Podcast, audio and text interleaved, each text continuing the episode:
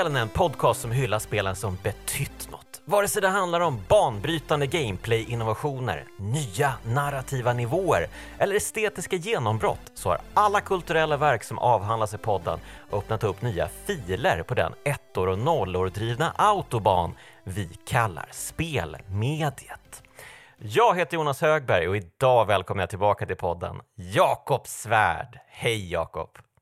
Hej Jonas, vad trevligt att vara här med dig en arla morgon och vara svintrötta båda två.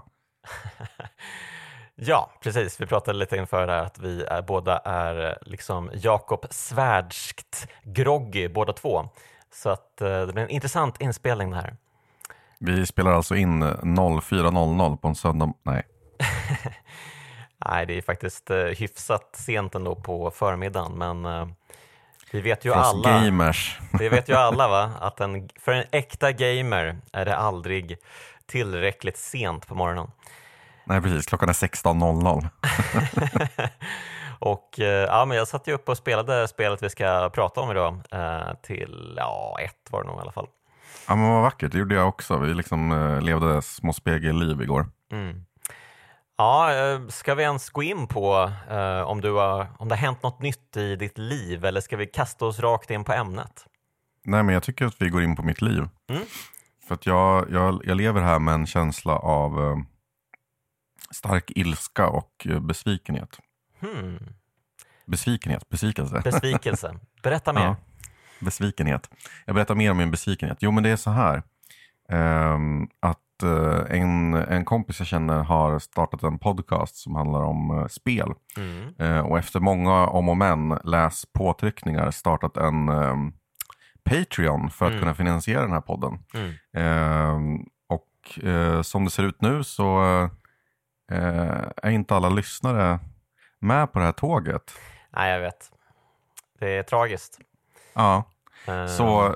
ni som, ni som lyssnar och uppskattar kraftspelen, kan inte ni gå in på patreon.com. Jonas är för fin mm. för, att, för att göra. Nej, du är för snäll för att göra reklam, så jag ja. gör det åt dig. Okay, tack. Gå, in, gå in på patreon.com slash kraftspelen. Det finns två tires. Man kan betala 25 kronor i månaden, alltså typ så 300 spänn om året. Eh, hur många avsnitt gör du per år? Eh, det är ju 22 avsnitt per säsong och det är två säsonger så det blir 44 avsnitt och sen är det ju två specialavsnitt så det är 46 avsnitt. Då. Ja men helvete, det är under 10 kronor per avsnitt om ni väljer att bli, vad, he, vad heter det tired? 25 kronor tired? Då är man en kraftkamrat och eh, vill man bli en kraftkumpan um, så betalar man, ja, vad är det, 110? Ja. Ja. Jag tror att det, är, det, är det bara jag som är din kraftkumpan hittills? Nej, det finns en till. Okej, vad härligt. Att, uh, ja, men stor shoutout till mina kraftkumpaner och mina kraftkamrater såklart. Ja, uh. alltså jag gör ju det här bara för att du uh, annonserade att, att du skulle betala för bullar till gästerna. Eftersom jag är gäst mm. så finansierar jag mina, e, mina egna bullar. Men det bidrar ju också till min ilska och, och besvikenhet. ja. att vi gör det här digitalt. Så jag får ju inga jävla bullar för mina pengar. Mm, jag bjöd ju faktiskt in dig till Stockholm, men du var för fin för att komma. Nej, det var ju jag som sa att du kunde komma till Västerås. Det var det, och vi var båda för lata och för mm. groggy för att åka till varandra. Ja. Jo, jo, jo, absolut. Men då hade det blivit eh, bensinpengar också. Då måste många, många fler eh, sponsra på Patreon. Bra segway. Ja, och eh, vi sa ju bara halva namnet här nu. Det är patreon.com slash, vadå Jonas? Kraftspelen. Ja, gå in där och stötta den här podden så du får fortsätta ha den i öronen. Du får nog fortsätta ha den i öronen även om du inte blir medlem på Patreon. Ja, Men, absolut. Eh, du har ju lite driftkostnader. Liksom. Du, ska ju, du ska ju spela en jävla massa spel per år.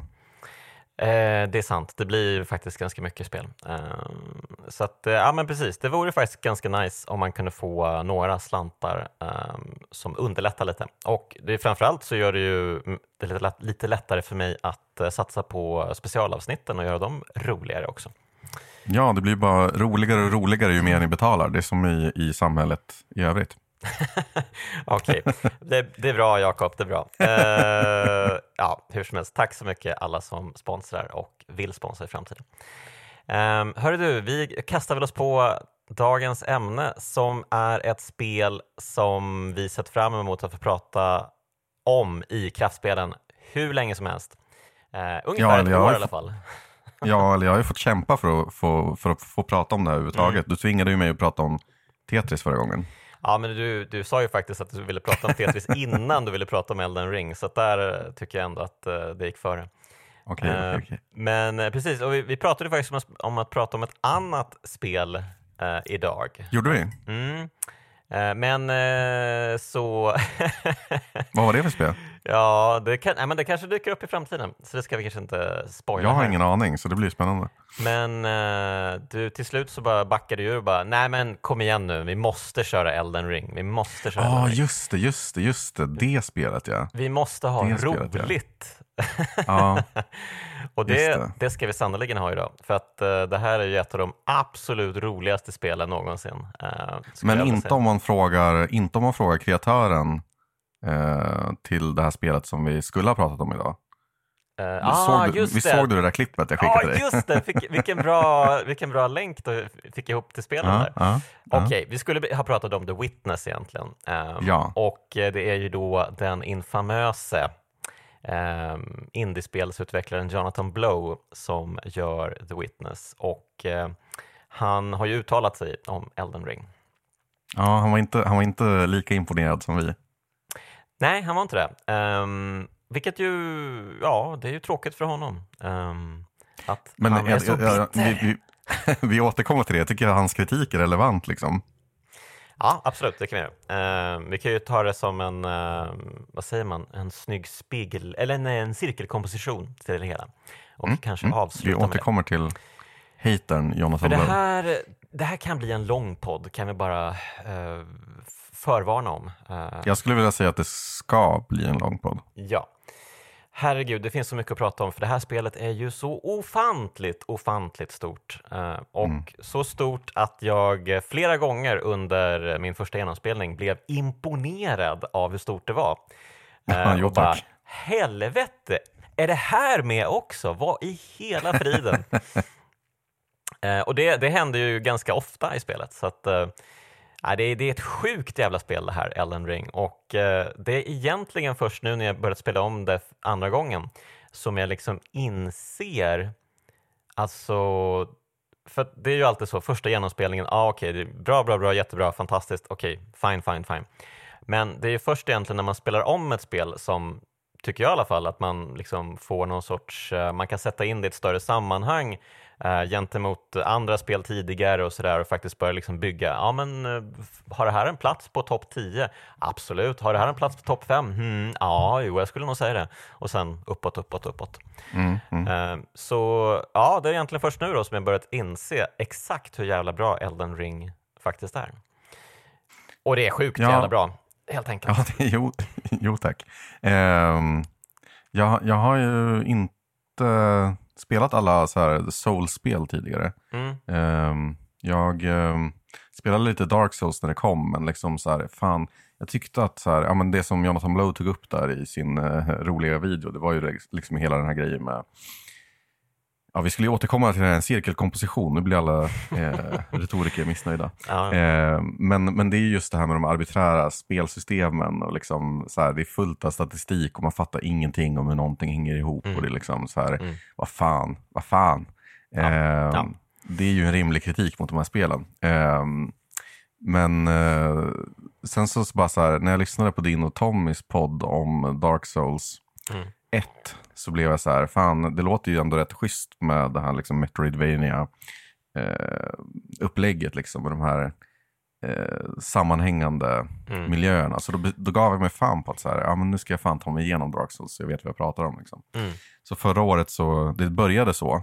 Eh, och sen så blev det ju liksom, det blev, man ja, tenderar ju att eh, fastna i det här som ett och annat. Ja, eh, du menar att det var du, crack. du, ehm, du föll ner i kaninhålet helt, helt enkelt? Ja, helt enkelt. Mm. Eh, så jag spelade igenom Dark Souls 1. Eh, tog mig halvvägs genom Dark Souls 2. Mm. Eh, var inte så mäkta imponerad av Dark Souls 2 så jag slutade med det. Och sen så tog jag mig igenom hela Dark Souls 3. Mm. Och sen så började jag med Sekiro. Eh, och älskade Sekiro. Men konstaterade ganska snabbt typ så på första minibossen bara så här, okej. Jag, jag, mitt hår är för grått för det här. jo, men Sekiro det är ju liksom, eh, det är ju spelet som, eh, det, det är ju bara ett fuck you-finger känns det som. Ja, verkligen. Ja. Och det är så radikalt annorlunda från, från resten av Soul-spelen så att Mm. man har ju ingenting att hämta därifrån. Liksom. Ja, sant. Eh, och sen så, så, så gav jag mig på Bloodborne också. Det har jag spelat, jag har spelat igenom eh, stora delar av de här förut, men nu har jag liksom så tagit mig igenom hela. Men Bloodborne kommer jag inte vidare på. Jag, jag, liksom, jag blev Mm. allergisk mot att det är så jäkla ryckigt och hoppigt och hackigt. Ja, det är ju, det är ju Eh. frameraten är ju spelets största Ja. fiende egentligen, så man hoppas ju Ja. på att det kommer en remaster i framtiden. Verkligen, för nu har jag ju skaffat den här Demon Souls-remaken till Mm. PS5 också, och fy fan. Smooth as butter! Den är smooth, smooth. Ja, gud ja. ja. Men det är just ställt mot den här liksom, spelografin som man inser liksom, hur, eh, hur fett, fett. Mm. ja, men det är rätt ord. Rätt ord. Helt rätt. Mm, mm. Fortsätt, fortsätt. Ja. Fett. Yes. Ehm, ja, för att så här, eh, nej, men som, som vi har varit inne på så, så är ju liksom mycket av storheten i liksom Dark Souls 1 det är just de här sammanhängande miljöerna och liksom hur man... Det är ju tight speldesign va? Mm. Ja, Alltså, det, det är ju verkligen speldesign. Det är ju som Super Mario egentligen. Det är bara speldesign. Exakt. Mm. Eh, och då tänker man ju så här, ah, okej nu ska de göra det här i en, i en öppen spelvärld, hur bra kan det bli? Eh, men då, då glömmer man bort eh, det faktum att de här striderna och det, alltså du kommer säkert inte hålla med mig här, men jag, jag tycker ju liksom att hela det här RPG-elementet och, och, och liksom eh, fightandet och sånt, det, det spelar ju 0,0 roll i, i Elden Ring, utan det här är ju, det är ju liksom Breath of the Wild. Mm. Det är den öppna världen. Eh, man har ingen karta, ingen kompass. Man har en karta, men den, den visar ju ingenting i början. Liksom. Mm. Eh, man har inga quests, man har inga uppdrag, man har inga sådana här liksom, godtyckliga system som speldesigners älskar att slänga över en för Mm. att liksom, bryta eh, upplevelsen. Utan det här är ju liksom du och eh, ett vackert land, ett vackert landskap. Mm. Man, det första som möter en syn när man kliver upp ur mörkret eh, när man startar Elden Ring, det är ju liksom den här fantastiska eh, stora brinnande världsträdet, Mm. Erd Tree. Ja, det brinner ju Eh, kanske inte. Nej, men vad gör det i början? Det, det, Det strålar. Det skiner, skiner Ja, strålar. Ja, skiner. Det brinner lite senare i Du spelet. går men lite man- förväg här, precis. Ja, precis. Men man ser det här, man ser det här skinande Erd Treet och det är, liksom, det är så vackert som, som eh, någon målning. Mm. Ja, det är otroligt. Vilken syn. Uh, men första gången jag steg upp ur, ur eh, grottan, tänkte jag säga, men det är väl typ en grotta i och för sig. Ehm, ja, och man kommer upp i mörkret där och tittar ut över landskapet. Det är ju minst lika imponerande som när man står på platån i eh, Breath of the Wild och tittar ut över världen. Mm.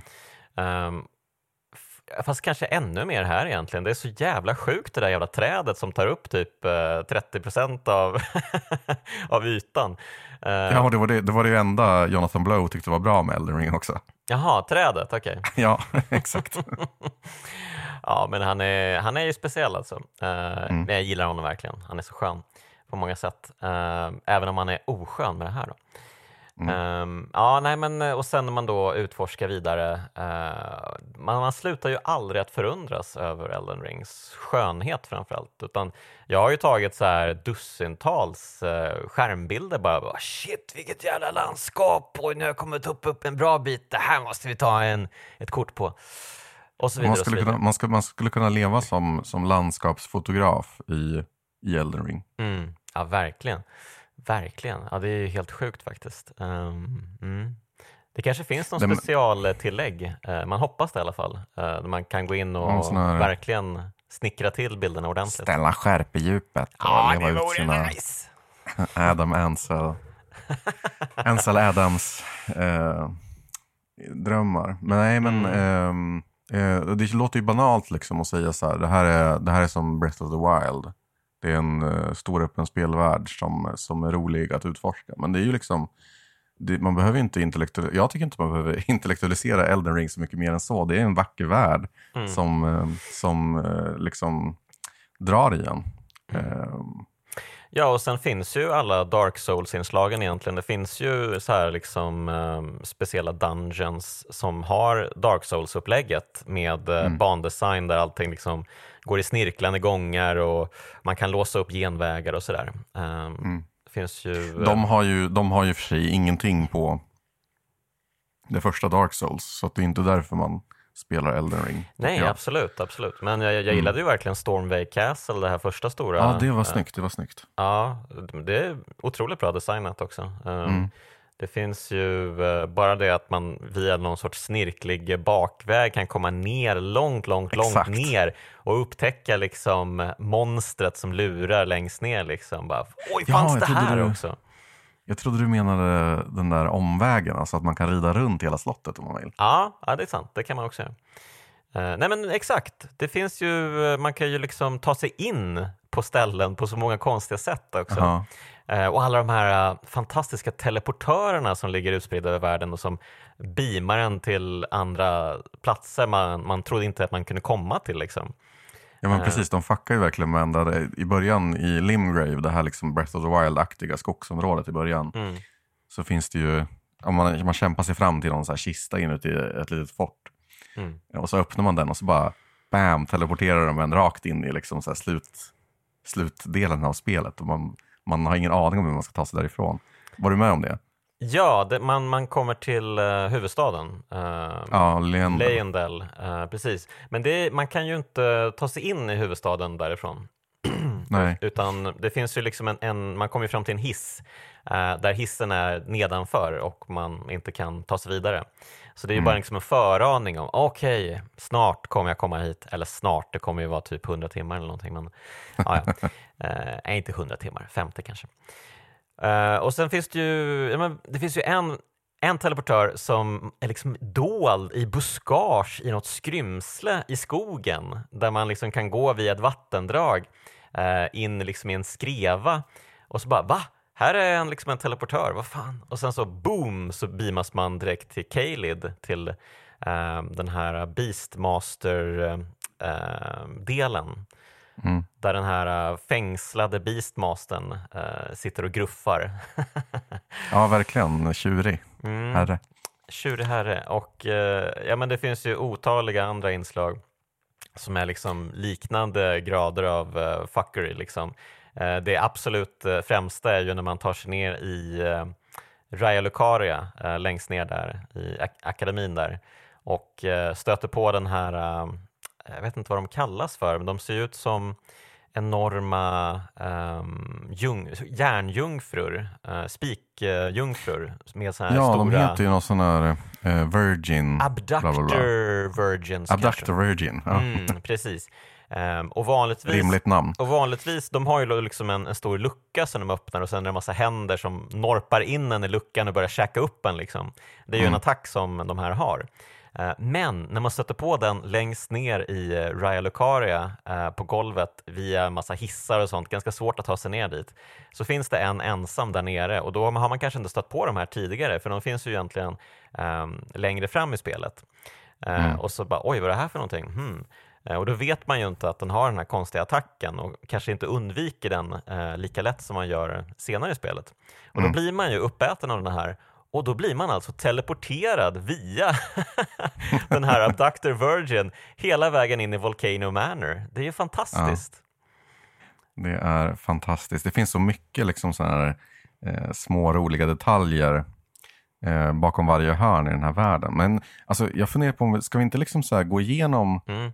Region för region vad man minns från de här regionerna? För det är liksom, det är som, vi sitter, både jag och Jonas sitter med så en interaktiv karta över the land betweens Mm. uppe. Och vi konstaterade just innan vi spelade in här att det är liksom, ja, slår man på liksom alla, alla kartmarkörer så är det ju liksom tusentals ikoner. Man ser Mm. knappt kartan. Eh, men det finns ju absolut några ögonblick liksom från varje region som, som står ut i mitt minne i alla fall. Mm. Håller du med? Ja, absolut. Jag funderar på om vi bara ska ta backstoryn först innan vi ger oss på liksom våra... Liksom... Ja men shoot. shoot. För det är ju, jag tycker i alla fall att det här är den bästa storyn som de har gjort från Software. Ah, Eh, okej. Och det, det är ju kanske då tack vare att de faktiskt har involverat George R.R. Martin i det hela.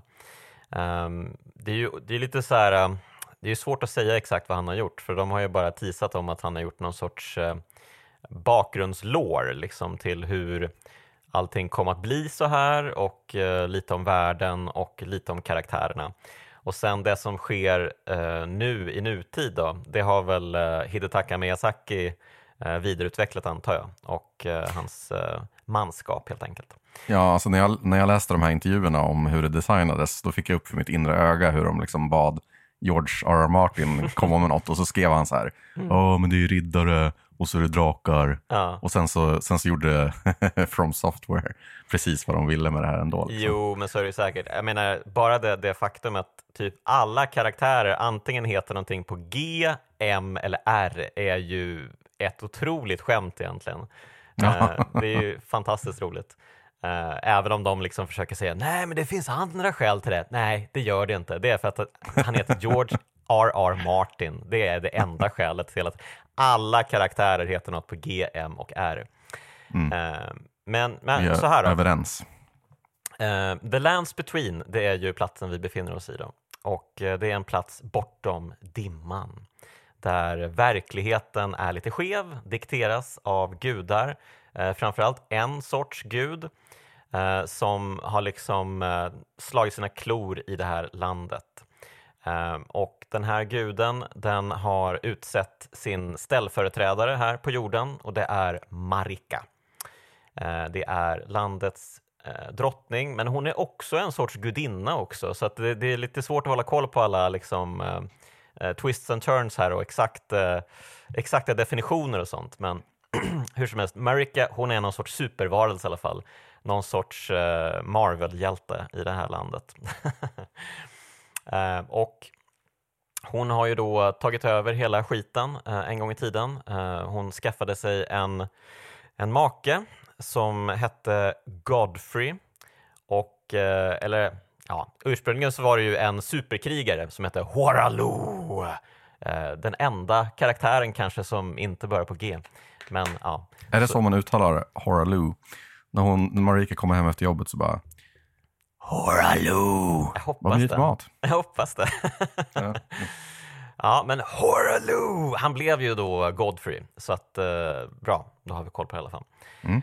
Och eh, han tillsammans med Marika tog över hela Lands Between eh, och eh, ja, grundade någon sorts religion kring Erdtree och eh, ja, den här eh, deras eh, kungafamilj också. Sådär. Ehm, Och eh, sen, lite oklart, men hon bannlyste då sen Godfrey. Hon, tyckte, hon hade väl fått nog av honom helt enkelt. Eh, Jag är redan förvirrad bara så du vet. Okej, men eh, han... Eh, alla dessa lore. Jag har, jag har liksom tittat på så jävla många lore-videos den här veckan så nu är liksom hela mitt huvud är helt marinerat av allt det här. Det Men- får stå för dig. Men det som, är, det som man ska kanske ha med sig i alla fall att Marika, hon är i alla fall en konstant hela tiden. Uh, Horaloo, han försvinner ju tidigt då, eller Godfrey, ehm, för att han blir, Horaloo! Horaloo, han blir bannlyst från Lands Between. Och det finns ju teorier om att eh, eh, ens karaktär som man själv är, man är ju en tarnished och det är liksom en ättling till Horaloo, eh, är det många som menar då. Och tanken med att eh, Horaloo bannlystes är att han skulle liksom, ja, ta över resten av världen kanske. Ehm, eller också liksom lära sig om döden. För att i det här landet, Lands Between, så kan ju inte de här gudarna dö. Nej, jag vet inte. Allt det där är så himla flummigt, men, eh, men, men hur som helst. Marika, hon fortsätter i alla fall att eh, härja i Lands Between och hon skaffar sig en ny make som heter Radagon. Men this is the thing, eh, och det här är väl det som är intressant egentligen. Radagon är ju Marika. Marika skaffar sig någon sorts eh, dubbelnatur. Oklart om det liksom är att hon kan för, förändra sitt eget kön själv eller om det bara är ett alter ego. Men ja, hon är ju supermäktig så att, och väldigt oklart varför hon gör allt detta också. Men, men är hon... en eh, kom kommentar till Hogwarts Legacy. Nej.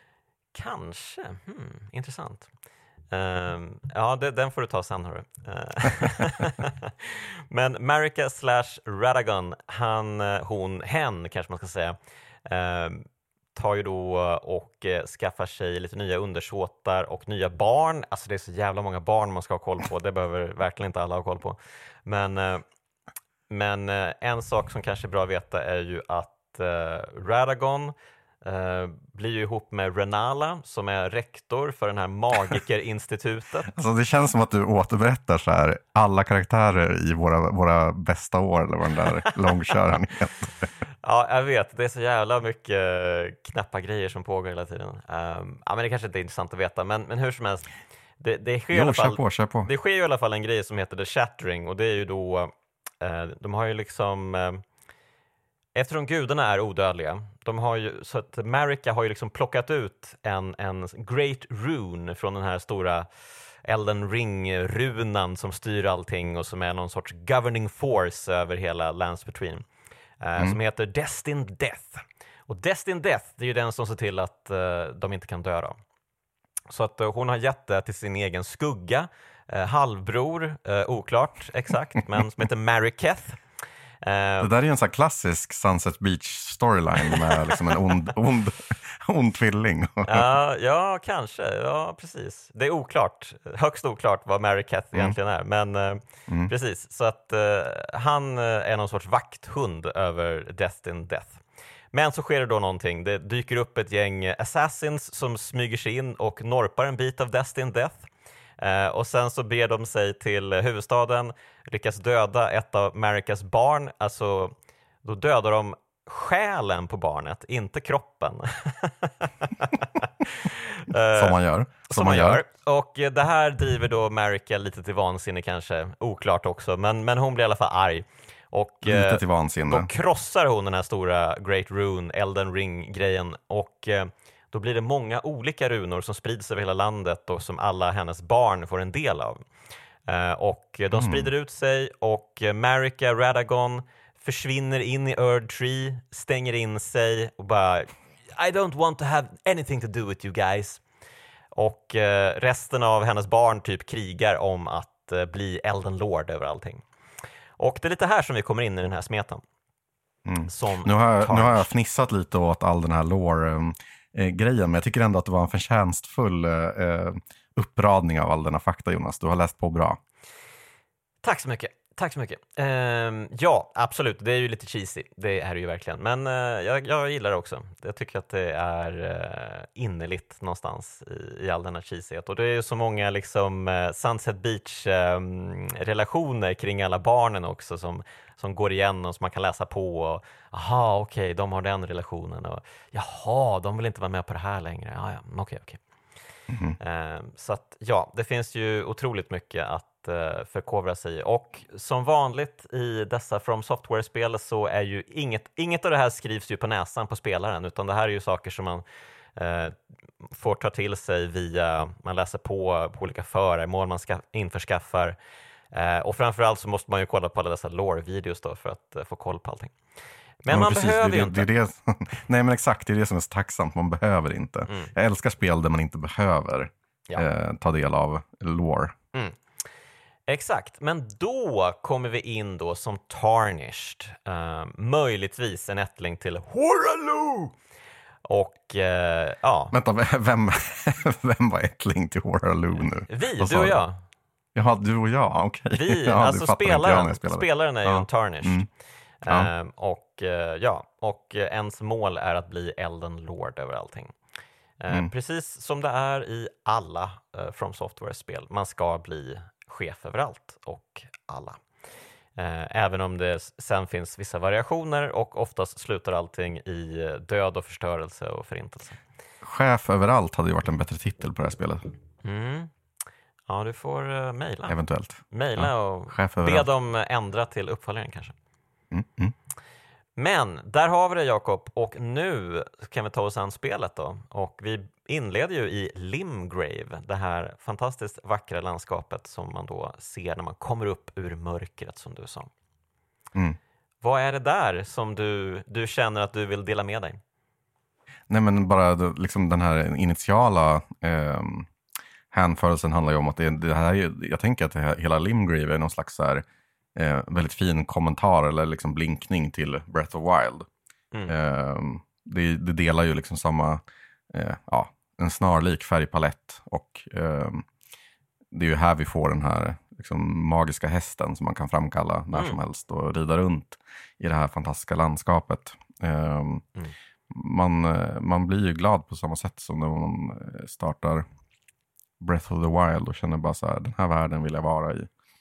Eh, Mm.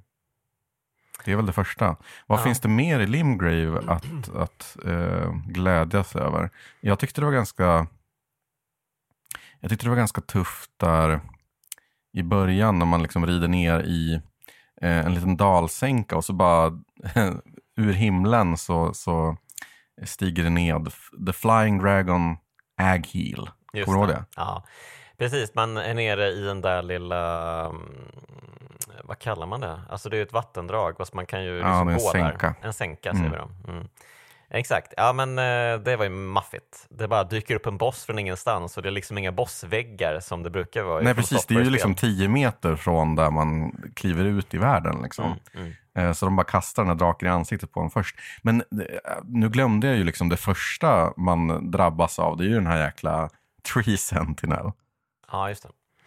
Precis. Ehm, en, en stor fet herre på en stor fet häst som, eh, som liksom välkomnar den till den här världen. Och liksom man, man kravlar ju ut ur den här, vad, het, vad heter det? det? Man är nere i någon sån här grav eller liksom Mm. krypta eller kyrka. Eh, och sen går man bara ut på på eh, trappstegen så står det liksom spelets första så här feta boss liksom och rider runt i den här världen och man bara shit, här måste jag jag cirklade ju ganska fett runt den här bossen alltså, kan jag säga i början.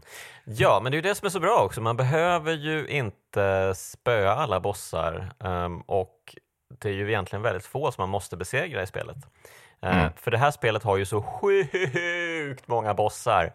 Eh, Den här kartan är ju så bra som vi har. Vi kan Mm, ju nämligen avgränsa allting. Så just nu så har jag alla bossar uppe på kartan. Mm. Och det är då eh, 156 vanliga bossar. det är 14 Great Boss och 10 Legendary Boss.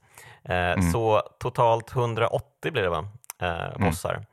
Och då har vi inte ens tagit upp att det finns Elite Enemies som är någon sorts miniboss, 130 stycken också. Eh, och invasionsbossar, 137 stycken. Alltså det är så sinnessjukt mycket bossar i det här spelet. Ja, precis.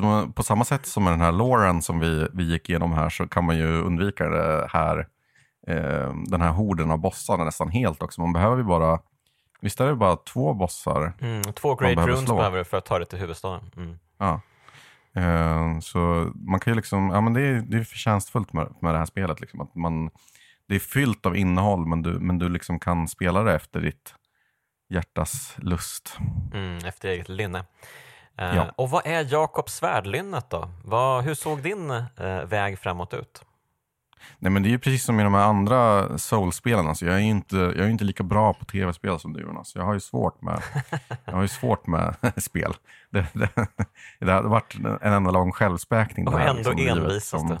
Exakt. Eh, hela min spel, speljournalistkarriär har varit så här, en lång självspäkning för att jag är så dålig på tv-spel. Nej men... ehm, eh, jag, jag, jag har liksom aldrig kommit överens med de här liksom, eh, närstridsmekanikerna. Så jag insåg ju ganska tidigt i första Dark Souls att det går ju liksom att kringgå eh, Souls-spel. From Software-spel är ju kända för att vara svåra. Men om man, om man väljer att spela som magiker, insåg jag efter lite googlande, så, eh, så låser man ju upp eh, spelets implicita easy mode. Liksom. Ja, så är det. Och det, man ska ju också ha i åtanke att eh, det är ju mycket, mycket roligare att spela magiker i Elden Ring än vad, än vad det är i något annat uh, From Software-spel. För det är så Gud, ja. jävla roliga ma- magier man använder i det här spelet. Ja, verkligen, verkligen. Det, man kan ju skjuta ut, eh, man kan skjuta ut månar, alltså stora enorma um, ljusklot. Man kan skapa liksom ett regn av iskristaller. Eh, man kan använda eld på otroligt många sätt. Ehm, och så finns det ju massa snikiga grejer också. En av mina favoriter är Ambush Shard. Har du kört med den? Nej, vad, vad gör den? Ja, Den är helt fantastisk. Eh, Eh, den, den, det är liksom en magipil som dyker upp bakom en fiende och eh, smiter in i ryggen på den, vilket gör att de inte kan skydda sig mot den. Den Lite är som, eh, helt fantastisk. Pursuers i Dark Souls 3, eller? Ja, fast den här är ju mycket bättre för den, den eh, materialiserar sig bakom fienden och pang åker in i ryggen på dem direkt. Så att Mm. de kan inte skydda sig mot den. Men det som är roligt med magier i, i Dark Souls-spelen det är ju att när man väl låser upp de här liksom mest kraftfulla magierna, typ Comet Azure, Mm. eh, det är ju liksom, man, man står som en så här, eh, eh, vad ska man säga, man, man, man ställer sig på, på, på, på ett Bredbent. ställe, bredbent, och liksom skjuter ut en, en dödslaser liksom ur Ja, händerna. Och ja. eh, den där är ju helt galen. Alltså man boostar den med, det finns ju någon sån här, ehm, man, man kan ju lägga någon magi på marken så att man gör mer skada när man står på den. Och så om man kör den och sen ställer man sig på den här markeringen och kör den här dödslasen, då, då tar man ju ner alla bossar i spelet på så här 10 sekunder. Ja, nästan alla skulle jag säga. Det finns ju vissa som är så jävla snabba. De rör sig ju hela tiden. Eh, De, Ja, de kan det vara svårt att eh, fånga med dödslasern. Mm. Eh, Men då har man å andra sidan det här, om man spöar, vad heter han då? Den här stora ormen, eh, Astel of the Void eller något sånt där. ja. Kommer du ihåg honom? Det är en så hemlig boss. Hmm, den stora ormen. Du får nog... eh, Var, var Han, han är någon någonstans? sån här interstellär orm liksom. Han ser ut som en, Ja, eller han ser ut som en ja, ja, ja, ja, trollslända. ja. En gigantisk vet du, vad, vad, trollslända. vet du vad det är för någonting? Nej. Det är en stjärna. Jaha. det är en stjärna som landat på jorden, eh, eller i the lands between.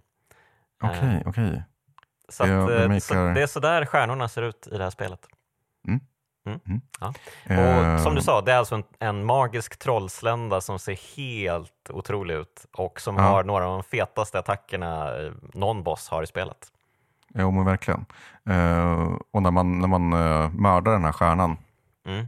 så, så låser man ju upp någon sån här magi som eh, skickar ut ja, så ett knippe kometer liksom, ur trollstaven. Mm. Eh, och den magin är också helt så här stört eh, kraftfull. Den använder jag för att så här, klara sista bossen i spelet. Jag hade ju aldrig klarat Mm. Elden Beast om jag inte hade haft den där magin. Mm. Eh, nej men eh, det, det är ju det som är gött med de här spelen. Man kan ju ganska lätt uh, kisa bossar och ta sig vidare Mm. i spelet, även om man inte är så bra. Ehm, Eller ja, det är ju inte ganska lätt, tänker jag. Alltså det är ofta så här, de här magierna och sånt är gömda bakom ganska så snirkliga... Absolut, det, det kräver ju en del tålamod för att, att få sig den, den statusen i spelet. Mm, Att man har mm. de här grejerna så man kan använda dem. Absolut, det kräver ju väldigt mycket tid. Ehm, och eh, allting Och, ligger ju eller ut- googling. Ja, mycket googlingar precis. Eh, för att det är ju det är precis, det är ju svårt att utforska världen helt utan hjälp från internet. Så Mm. är det. Så är det.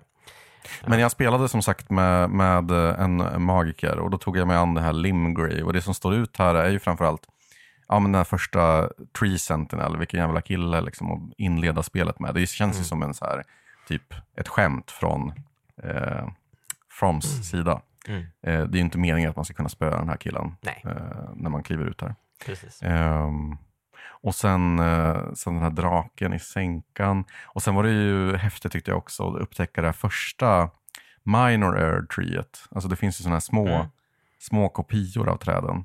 Eh, av det stora trädet som vi varit så hänförda av när vi först klev ut i den här världen. Mm. Eh, och där är det någon så här galen eh, liten eh, miniboss. Vad är det för någonting?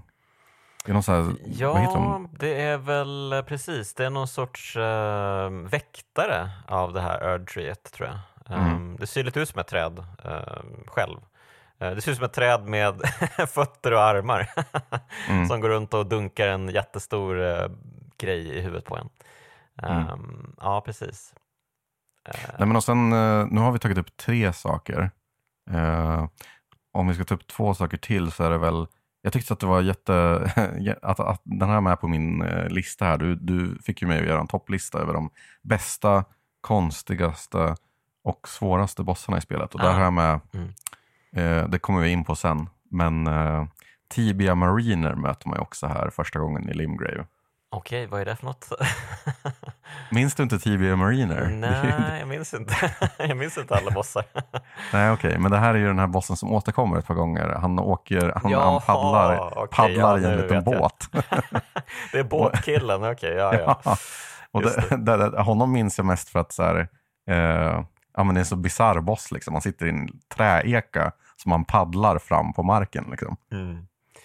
Ja, precis. Man dyker, han, han dyker väl upp i något träsk eh, oftast och eh, Ja. så springer man runt där och sen så, hopp, nu är han här igen eh, och eh, frammanar lite skelettkrigare är det väl typ och så ska Mm. man springa runt och akta sig och ja, så har han väl några enkla attacker också.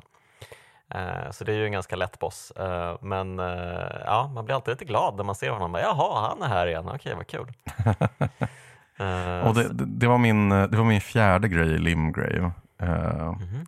Min, min femte är, det, man, man kommer ju liksom, när man har, när man har ehm, utforskat Limgrave del så upptäcker man ju att det finns ehm, en liten halvö. Mm. Ehm, vad heter den?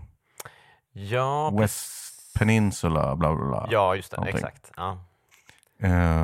Och där kommer man ju till en så här liten Weeping liten, Peninsula. Weeping Peninsula, så det stämmer. Eh, där kommer man ju till en liten, ett litet fort som man utforskar där. Mm. Eh, och så längst ut på den här halvön så möter man också en så här, ja, men en av de hårdaste bossarna i Limgrave tyckte jag Mm. i alla fall. Eh, Leonin, Leonine Missbegotten. Just Kommer du ihåg honom? Ja, det är, en, ehm, det är en krigare med lejonhuvud kanske? Exakt, exakt. Ja. Sjukt aggressiv boss. Yes. Underbar boss. Eh, Och den dyker upp i många olika varianter senare i spelet också. Mm. Ehm, ja, nej men kul. Och jag, jag skulle nog vilja hävda att eh, det är supermäktigt när man befinner sig i Weeping Peninsula och stöter på de här, eh, den här enorma, enorma klocktypen. Klocktypen. Eh, alltså det, det är en, man, Ja, man, går ner, menar- man går ner en liten dalsänka och eh, det är en, jag vet inte vad man ska kalla det, det ser lite ut som en elefant fast det är en Ja. klocka. Förstår du? Jag Ja. försöker förklara Ja, den här men- enorma saken men jag kan inte riktigt orden för det är så jävla majestätiskt när man ser den första gången. Verkligen, det är som någon slags eh, elefant utan snabel. Ja, men med klocka istället. Då. Eh, Och eh, det här är ju ett sorts eh, vandrande fort nästan, fast den är ju inte aggressiv egentligen på så sätt. Men man kan ju eh, ta sig upp och in i den också och få en speciell sak i de här sakerna också. Eh, Mm. Och de återfinns ju också på lite olika platser i spelet. Eh, Och det är alltid, Ja, det är väl, alltså, mm. det är alltid en fröjd att se dem, eh, för de, Ja. de är så jävla mäktiga. De tar liksom upp stora delar av landskapet, för de är så enorma. Eh, ja, och så är de ju uppbyggda som någon slags här, pusselmekanik också. De har ju Mm. alla olika så här, sätt som man kan få dem att sluta vandra omkring och liksom sätta sig ner så man kan ta sig in i dem. Ja, just det. Eh, ja, Det är det är ju lite, lite på snarlikt vis, det finns ju flera sådana mekaniker i det här spelet, men jag tänker på Breath of the Wild, liksom med de här eh, tornen som man ska Mm. klättra upp för. Det är ju lite liknande. Eh, men mycket mäktigare än i Breath of the Wild. Ja, eh, och det är kanske något eh, som blir återkommande för eh, det här poddavsnittet. Mäktigare än Breath of the Wild. Vad kommer Carl Johan Johansson säga? Det är frågan. Ehm, Han kommer säga dra åt skogen. Dra åt skogen. Ehm, nej men jag tycker att det, det är så jävla fint designat allting. Jag, jag tycker att vart man än kommer nästan så dyker det upp ett nytt ögonblick som man bara, Va, vad är det nu? Vad är det, vad är det som pågår här? Ehm, det finns ju även ett träsk i eh, Weeping Peninsula, ganska nära den här uh, klockelefanten. Ehm, där det finns massa sjuka fiender och sen så finns det liksom en trappa som leder ner. Jaha, okej. Och så smyger man in där och sen är det någon sorts tortyrkammare man hittar eh, med någon sorts eh, docka, någon magikerdocka som ligger där helt eh, och kan inte svara liksom.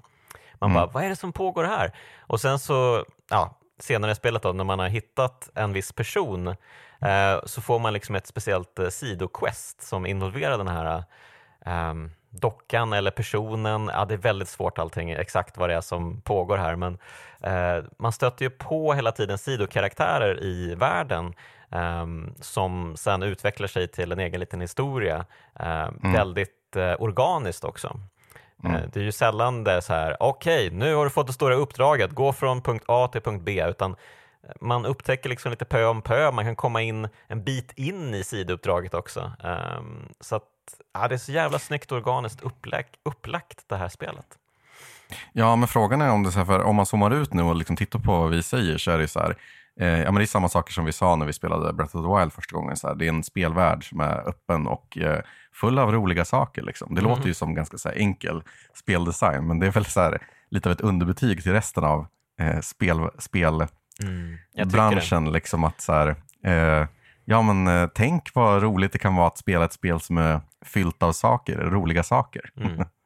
Ja men precis och eh, att inte bli skriven på näsan tycker jag är jätteviktigt. Eh, mm, för mm. Vi, vi pratar ju ofta om hur värdelösa Ubisofts spel är på detta. Uh, och när man tittar på deras världskartor över Assassin's Creed-spelen och alla jävla saker som bara gyttrar sig på kartan och man bara, här har du en questmarkör och här har du en questmarkör och här kan du göra de här grejerna och här, bara, här finns allt material i spelet. Uh, men du, här finns det och du ska gå raka vägen dit och du ska inte upptäcka något på vägen dit. Så känns mm. det lite som. Uh, ja, men det, det, känns ju som ett jävligt tradigt extrajobb eller mm. heltidsjobb. Medan man i Elden Ring snarare bara, okej, okay, jag går väl den här vägen, får vi se vad som händer. Och så händer det något jävligt coolt. Mm. Uh, och det är så det ska vara, tycker jag. Mm. Mm. mm. Men, uh, det, det, det, är liksom, det, ja, men när du säger det sådär, då låter det ju så här, det låter ju rimligt och det låter sant och det låter enkelt. Liksom. Men det är, mm. det, ja, det är få spelutvecklare som fattar det.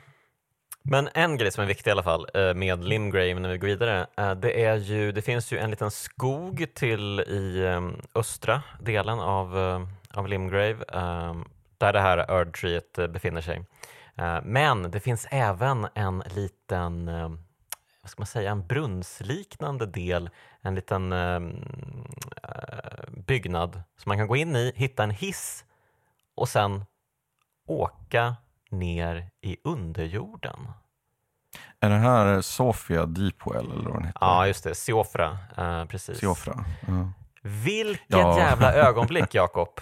Uh, ja, när man hittar hissen och åker ner och ser stjärnorna i underjorden. Ja, man, man, tar hissen ner till ett nytt universum. Liksom. Det, när, om, man, om, man, om, man, om man trodde att liksom, den här spelvärlden var stor och, och fantastisk när man liksom red omkring på på ytan så, så blir man ju, alltså, ja, jag, jag trodde inte mina ögon och öron, inget av mina sinnen trodde jag när jag, när jag åkte ner till den här eh, underjordiska universumet. Det var ju så, så vackert. Ja, jag menar här uppe så är det liksom gyllene färger. Det är det här stora skimrande Erdtreets eh, skimmer definierar ju nästan hela, hela ovansidan av kartan. Och sen när man kommer ner i underjorden så är det ju mycket så här blåa, eh, lila färger som dominerar himlen och överallt. Och det blir liksom en helt annan vibe. Eh, det blir liksom, man, man hamnar mitt i ett mysterium. Eh, en, och man blir liksom en detektiv, man ska försöka lösa en gåta. Vad är det här? Hur tar jag mig vidare dit bort? Det är helt sjuka grejer här nere. Mm. Uh, så att, uh, ja, det är ju verkligen, alltså man, man, man klickar ju på högerspaken, man klickar, man klickar ju ner högerspaken för att ändra mellan um, ovankartan och underkartan. Bara en sån grej. Man, man ser först liksom kartan, oj vad stort det var. Och så varje gång man rider in i ett nytt landskap ska man ju försöka hitta den här liksom kartmarkören som Fragment, gör att man, ja. Mm. Ja, man låser upp eh, kartan och säger oh, okej, okay, så här maffigt var det. Och man ser ju liksom, oj, där uppe har jag inte liksom låst upp den delen än och där finns det, oh vad mycket kvar det finns, den är så jävla stor den här kartan. Och sen när man mm. kommer ner i underjorden inser, va? Finns det en till? ja, och liksom, det, är ju... mm, det är allting en gång till.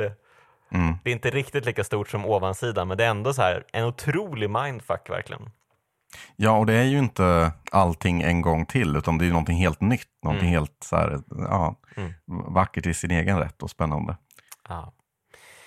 Wow, ja verkligen. Um, ja, men uh, sen så tar man ju sig förr eller senare då till Stormvale Castle som vi teasade lite om för att mm. försöka norpa den här första Great Rune uh, som är liksom nyckeln till att ta sig till huvudstaden och eh, försöka bli Elden Lord.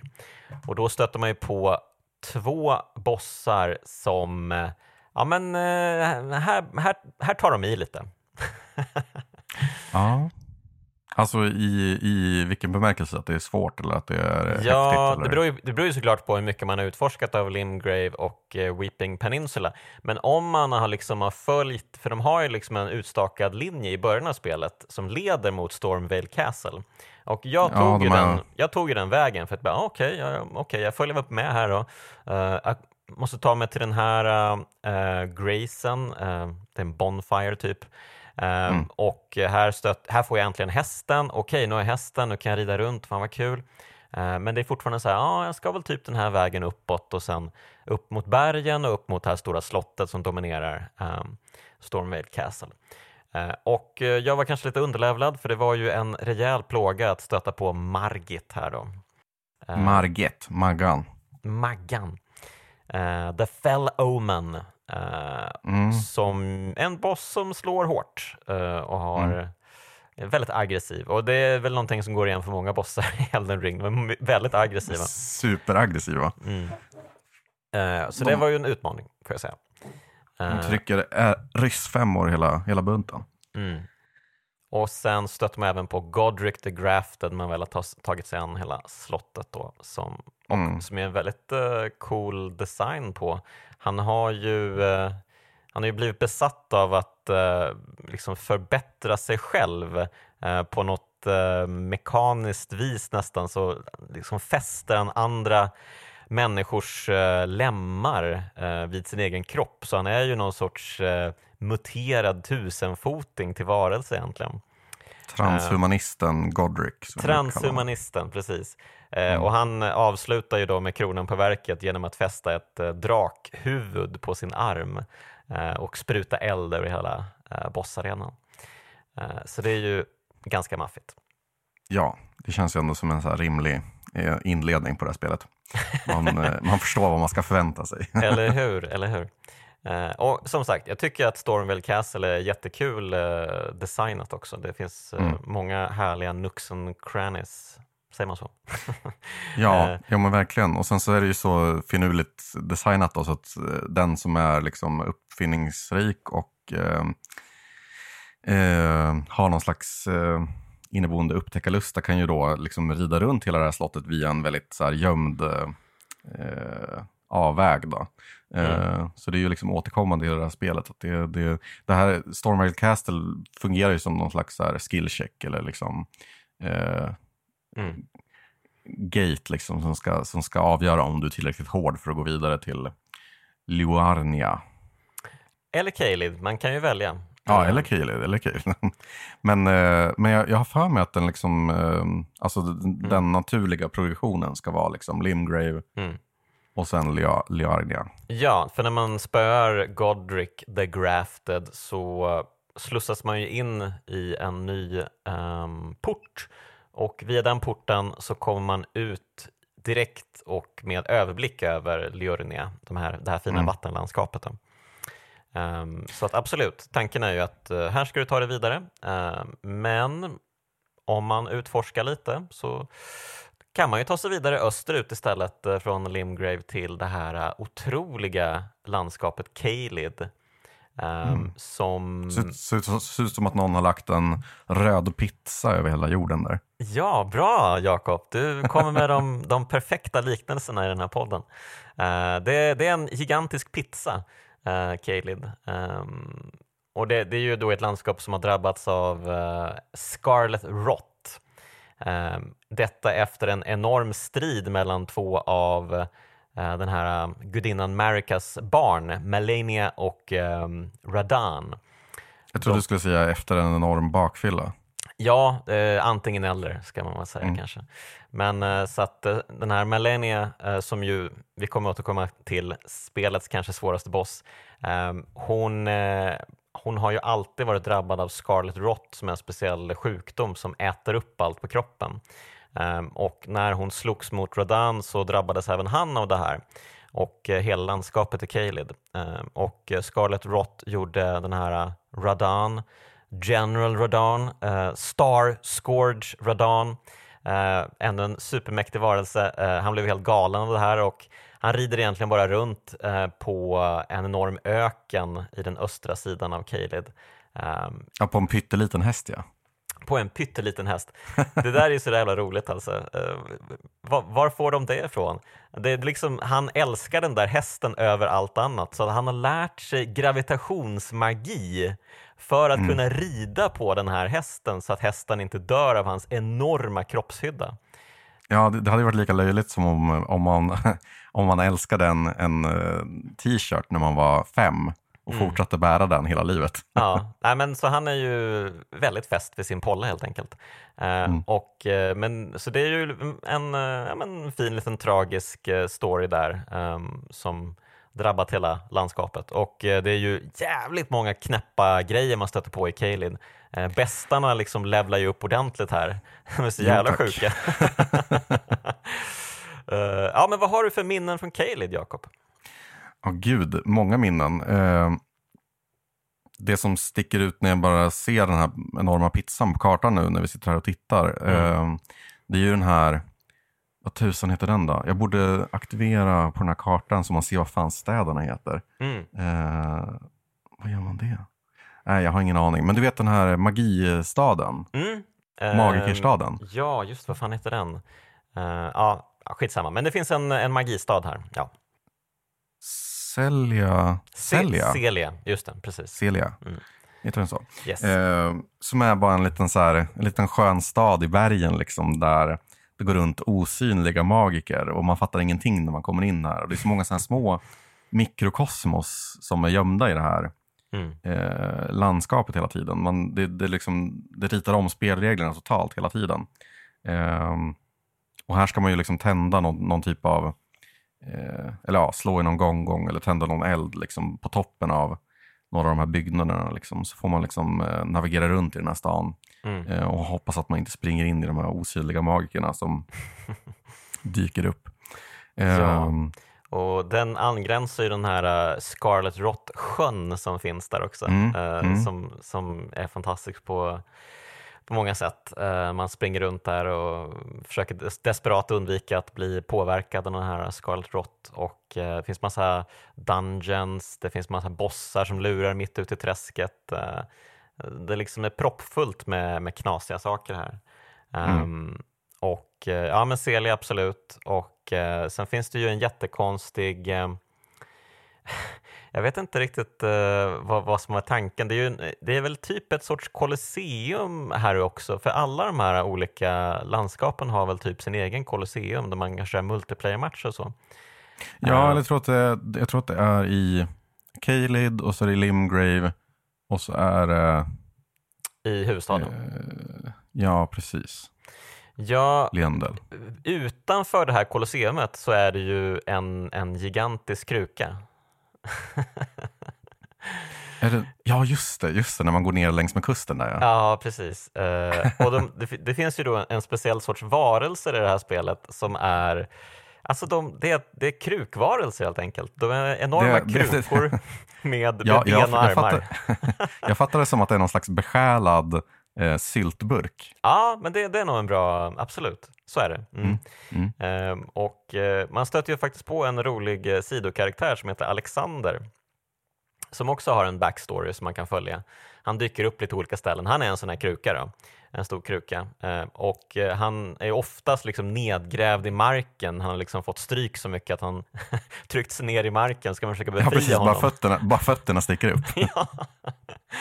Så att, eh, ja, han är en härlig comic relief eh, och han dyker ju även upp ehm, för det stora grejen med Caled är att man ska möta General Rodan på slagfältet här. Då. Mm. Ehm, det är väl liksom det som allting ehm, leder upp till.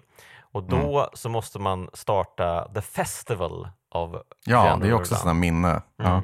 Vilket jävla minne. Då tar man sig in i hans fort. Och det här är lite beroende på också för det kan ju ske olika saker här beroende på vad man har gjort tidigare i spelet. Eh, man kan ta sig in i fortet och sen så är det belägrat med soldater från hans armé. Eh, det finns en boss här som man måste möta ehm, och eh, det kan vara liksom ganska svårt helt enkelt att ta sig an det här fortet.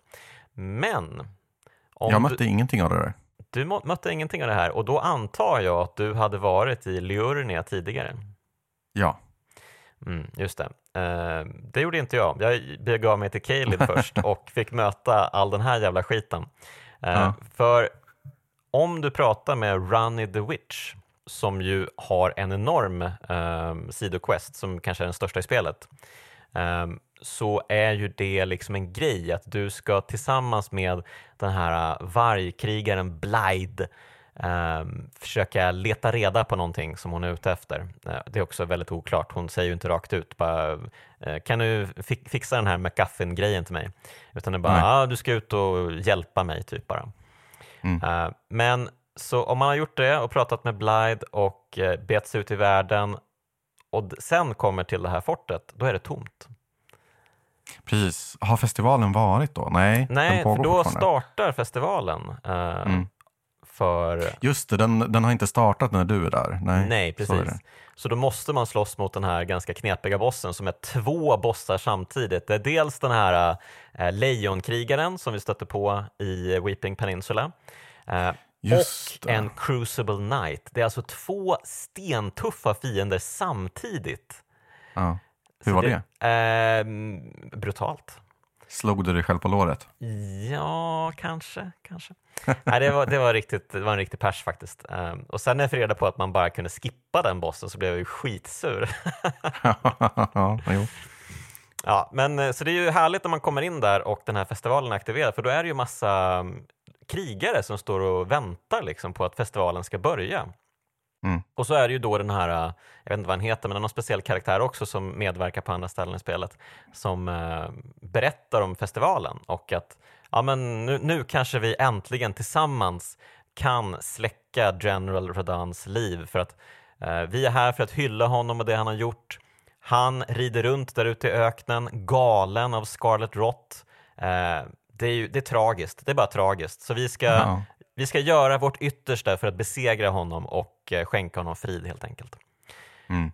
Um, så att det, det, här är ju kanske den sjukaste bossstriden i hela spelet egentligen.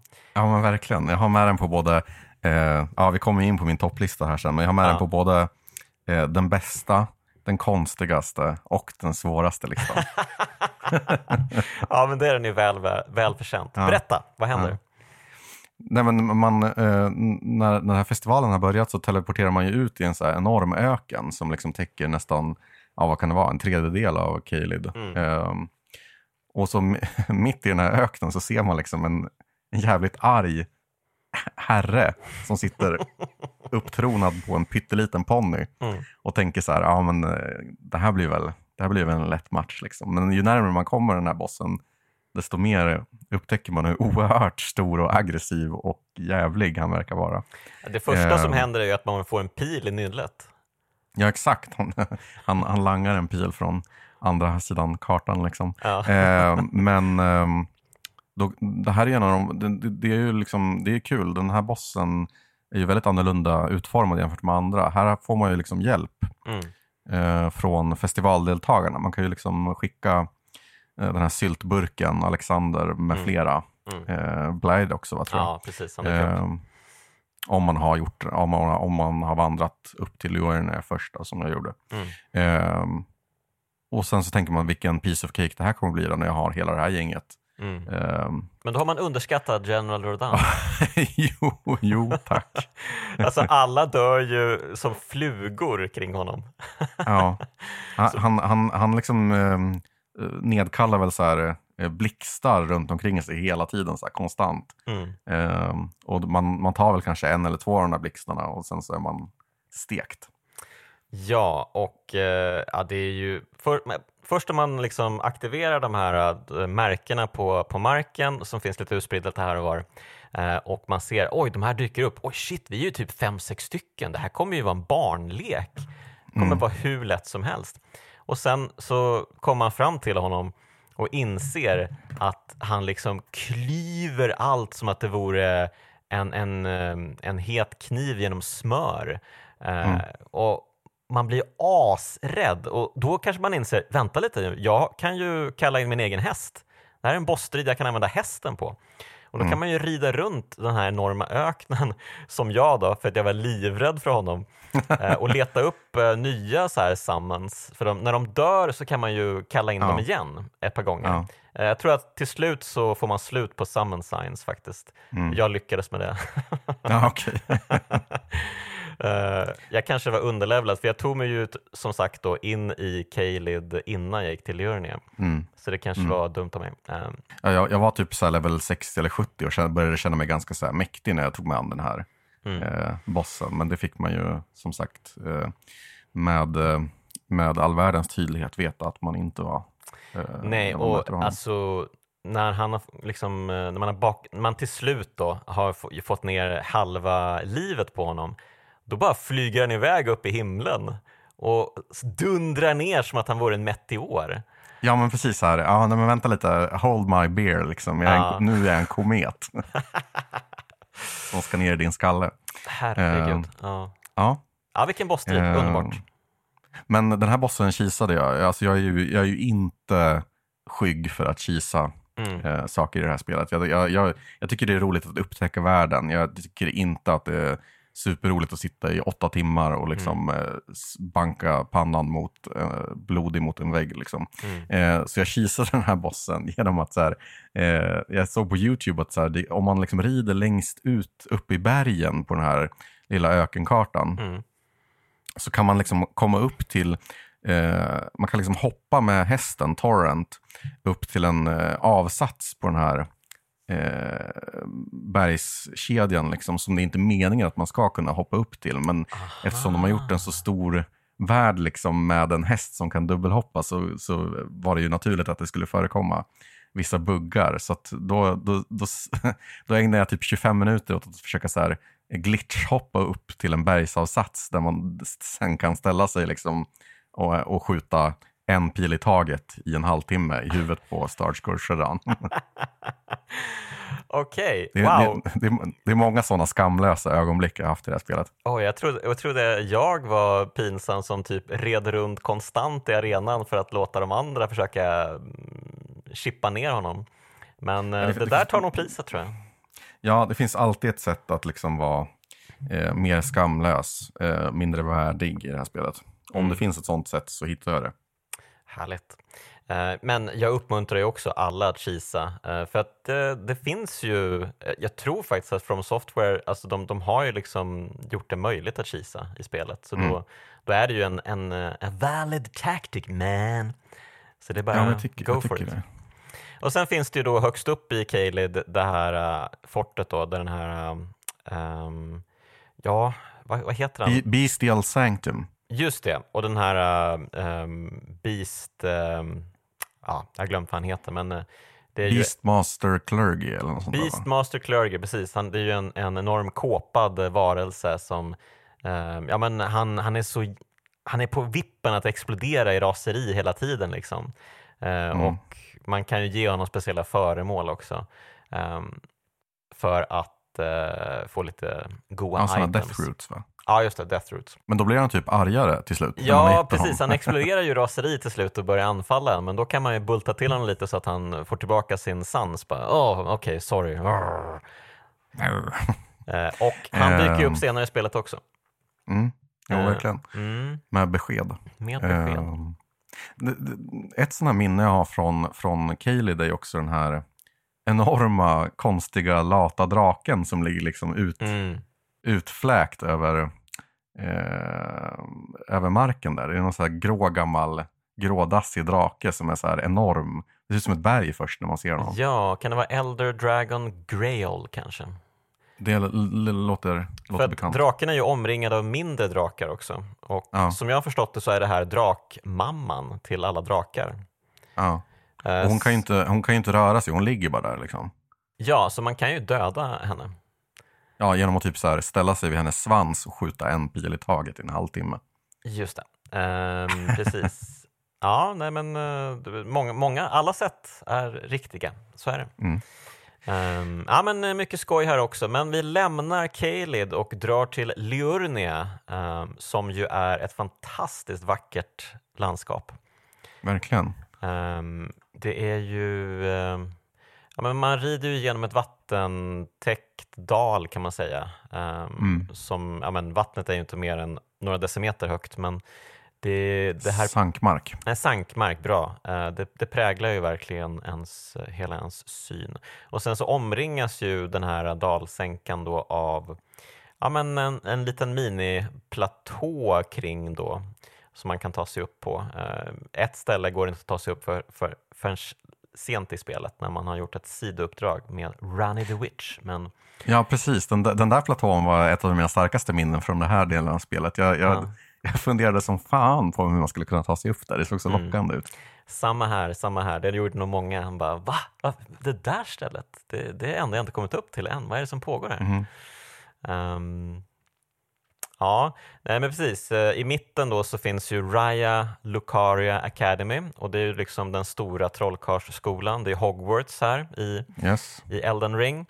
Uh, lite högre upp i norr så finns ju uh, Caria Mansion, uh, någon mm. sorts uh, uh, adelsherrgård där de här Renala och hennes barn L har... Loretta.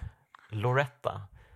Ja, Royal det är ju, boss, det är ju boss bossen här, där. men Ja. ehm, ehm, det är ju Renala som är rektor för eh, akademin. Skolan, ja. Mm. Det är ju hennes eh, mansion och hennes döttrar då, Mm. Ehm, eller hennes barn. Eh, och eh, här uppe möter man ju Runny som är Renalas dotter då.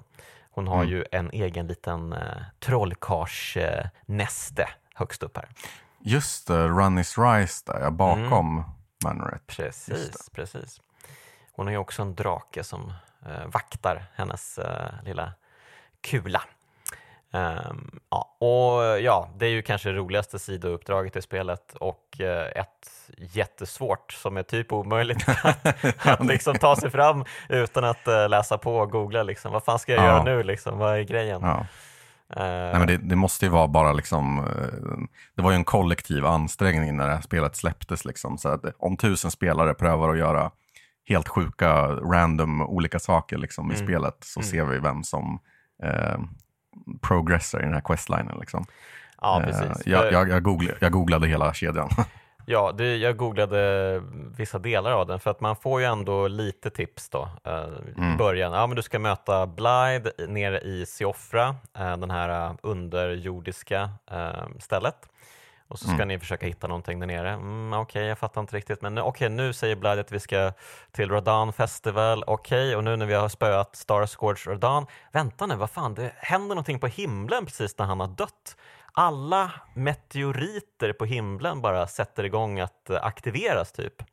Och sen så kraschlandar det en meteor eh, i eh, Limgrave. ja, det där var så jävla tufft. Liksom. Då, då, långt senare i spelet så beger man sig tillbaka till Limgrave och så bara inser man att så här, spelvärlden har förändrats. Ja. Det har hänt saker här. Ja, det är så sjukt mäktigt. Och eh, jag märkte nu att, eh, jag undrar om de har patchat in det, för nu kunde man se på kartan, ah, det finns ett meteoritnedslag på den här platsen.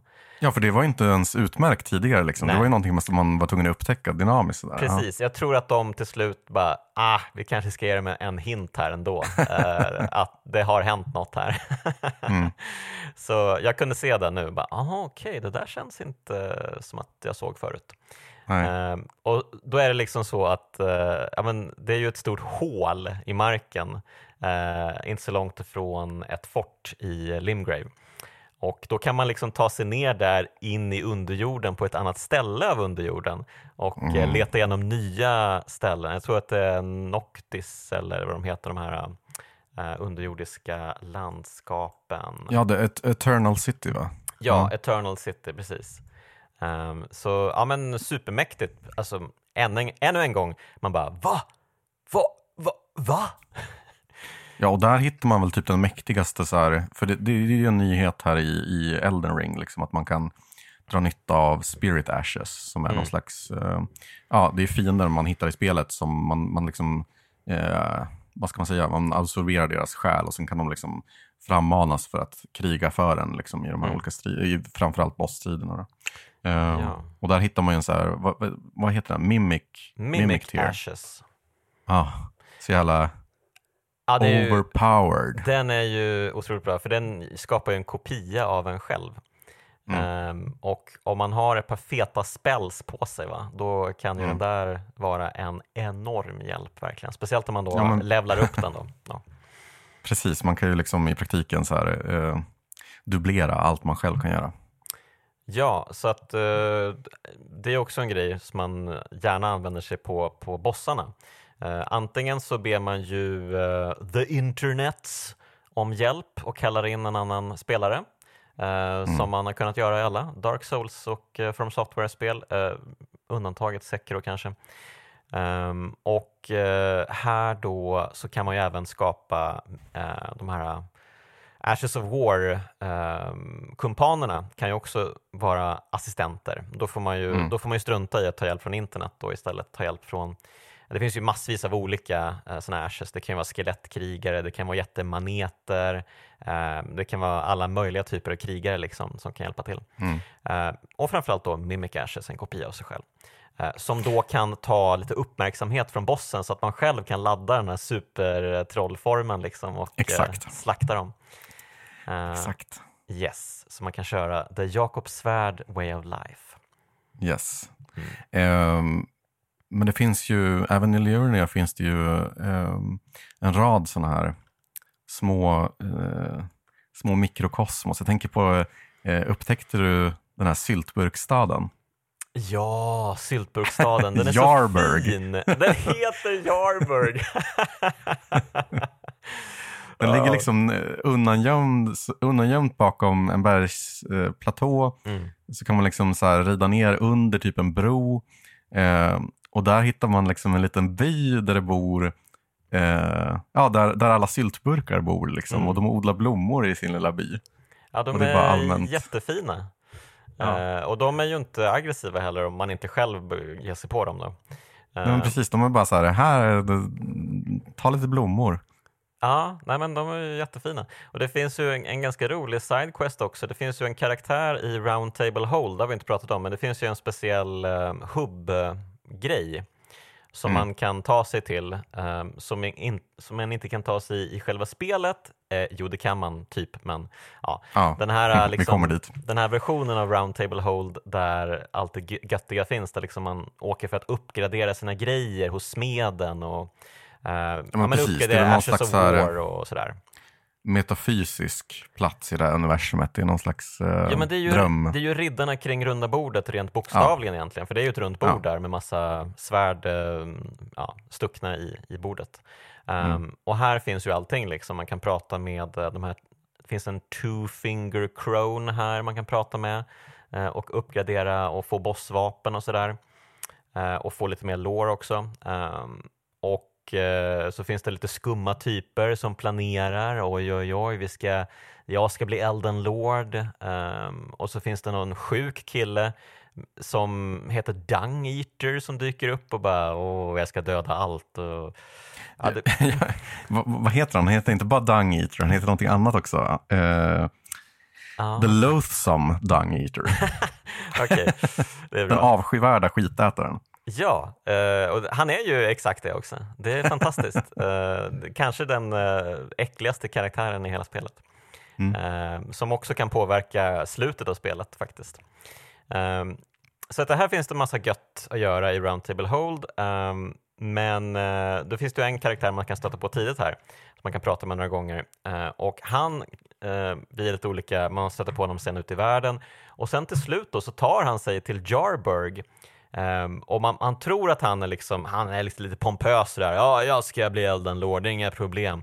Men sen så bara hittar han någon sorts way of life där i Jarburg och bara, jag ska försvara mina, mina kompisar i Jarburg och bli er liksom förkämpe. Här är livet som göttigast. Varför ska man springa runt och kriga för när man bara kan hänga i Jarburg och vara, bara vara människa? Eller, eller en jar då.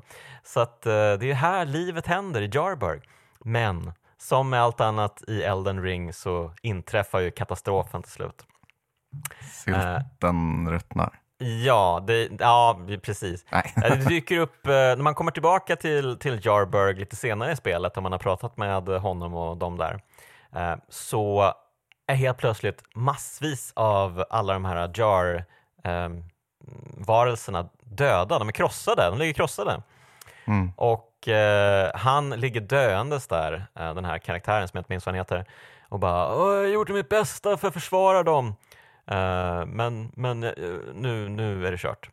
Så att eh, han dör och så är det typ, Ja. det är typ bara en enda jar kvar där typ, som man pratar med. Ehm, Ja, precis. Då, då undrar man ju vad som har hänt. Har han, har han liksom i ett, i ett eh, berusat tillstånd krossat alla syltburkar Ja. och bara liksom vräkt i sig sylt tills han Exakt. dör? exakt. Det är det jag tänker händer. Vi kan bara hoppas. Vi kan bara hoppas. Han har gjort sig själv illa med mat. Mm, ja, och sen så finns det ju det finns ju en sjuk, eh, något sjukt trollkarlsbibliotek på en liten ö utanför Liurnia. Ehm, eller inte en ö, men det ligger där i närheten, ett trollkarlsbibliotek som är liksom, man kan vända det upp och ner om man får en speciell eh, item från Ja, ja, ja. Det är en sån sjuk jävla grej. Ehm, Det är den här study hall entrance, ja. precis. Eh, för man måste in i den här Carla Manor, eh, Carlia Manor Mm. eh, för att hitta något item. Och sen ska man liksom in i study hallen. Det är väl för att låsa upp liksom den här Liurnia, Divine Tower of Liurnia. Mm, mm, precis. Eh, som också är så här en sjuk funktion. Att i alla landskap så finns det något så här gömt eh, slott där man kan liksom... Eh, vad är det man gör där egentligen? Det är något med runorna va? Ja, det är något med runorna, precis. Jag Det är tror, är det inte att man får de här supergrejerna som man kan använda i den här mixbrygden? Ehm, kan det vara det? Nej. Nej, det är inte Du det. menar den här Wonders Flask of Physics? Ja, det kanske inte var den då. Ehm, Nej, de får man ju vid, vid Minor Earth Trees. Men vad är det man får där? Nu minns jag inte det. Hmm. Det är någonting med runorna. Man typ så lägger Greater Runes där. Alltså det, det, det, där är det ju såna här två fingrar som sticker upp ur marken i de här Mm. Divine Tower. Och så lägger man, eller är det tre fingrar? Det kanske är three fingers som håller till där. Men eh, hur som helst, så man typ upp, uppgraderar de där Greater Runes eller något sånt där. Mm. Så är det säkert. Men eh, ja, men eh, Trollkarlstornet, eh, balt och eh, men den här Trollkarlsakademin är ju väldigt cool också. Ehm, Mhm. Den är ju, eh, den känns väldigt så här tight. ehm, mycket. Alla ser så jävla läskiga ut där inne. Ja, verkligen, verkligen. De har ju någon slags, slags masker med tre huvuden. Jag tyckte, det, jag tyckte det var sjukt obehagligt. Ja, och alla är väl på något sätt lite förvridna också av magin också. De verkar ju Mm. inte riktigt vara vid sina sinnens fulla bruk. Um, känns som att något har gått fruktansvärt fel i vanlig From Software-anda. Mm. Ehm, och sen så når man ju fram till Renala, den här rektorn då, har en ganska mäktig bossstrid mot henne. Ja, första delen kanske inte så mäktig. Det går ju mest ut på att hennes eh, märkliga trollkarlsbarn som liksom glider runt på marken eh, anfaller med ljusstakar och vad det är för någonting. Eh, Mm. Men andra delen är mäktig när det blir någon sorts eh, vattenlandskap och hon eh, använder massa så här olika magier på en. Mm. Eh, Men och, ja, hon dör ju inte. Det är ju en av få bossar som inte försvinner utan eh, hon blir kvar där och sen så kan man ju respecka sin karaktär eh, via henne. Ja, precis. Det blir ju som en ny liten hubb där kring henne. Yes, och då eh, sen när man är klar där så rider man ju över en liten bro upp mot Altus Plateau. Men för att ta sig Och- dit ja, så... precis. Ja, ja, kör du. Ja, nej men bara... Det, man kommer fram till the, the Grand Lift of Dectus. Mm. Ehm, och så, så säger den här feta hissen så här.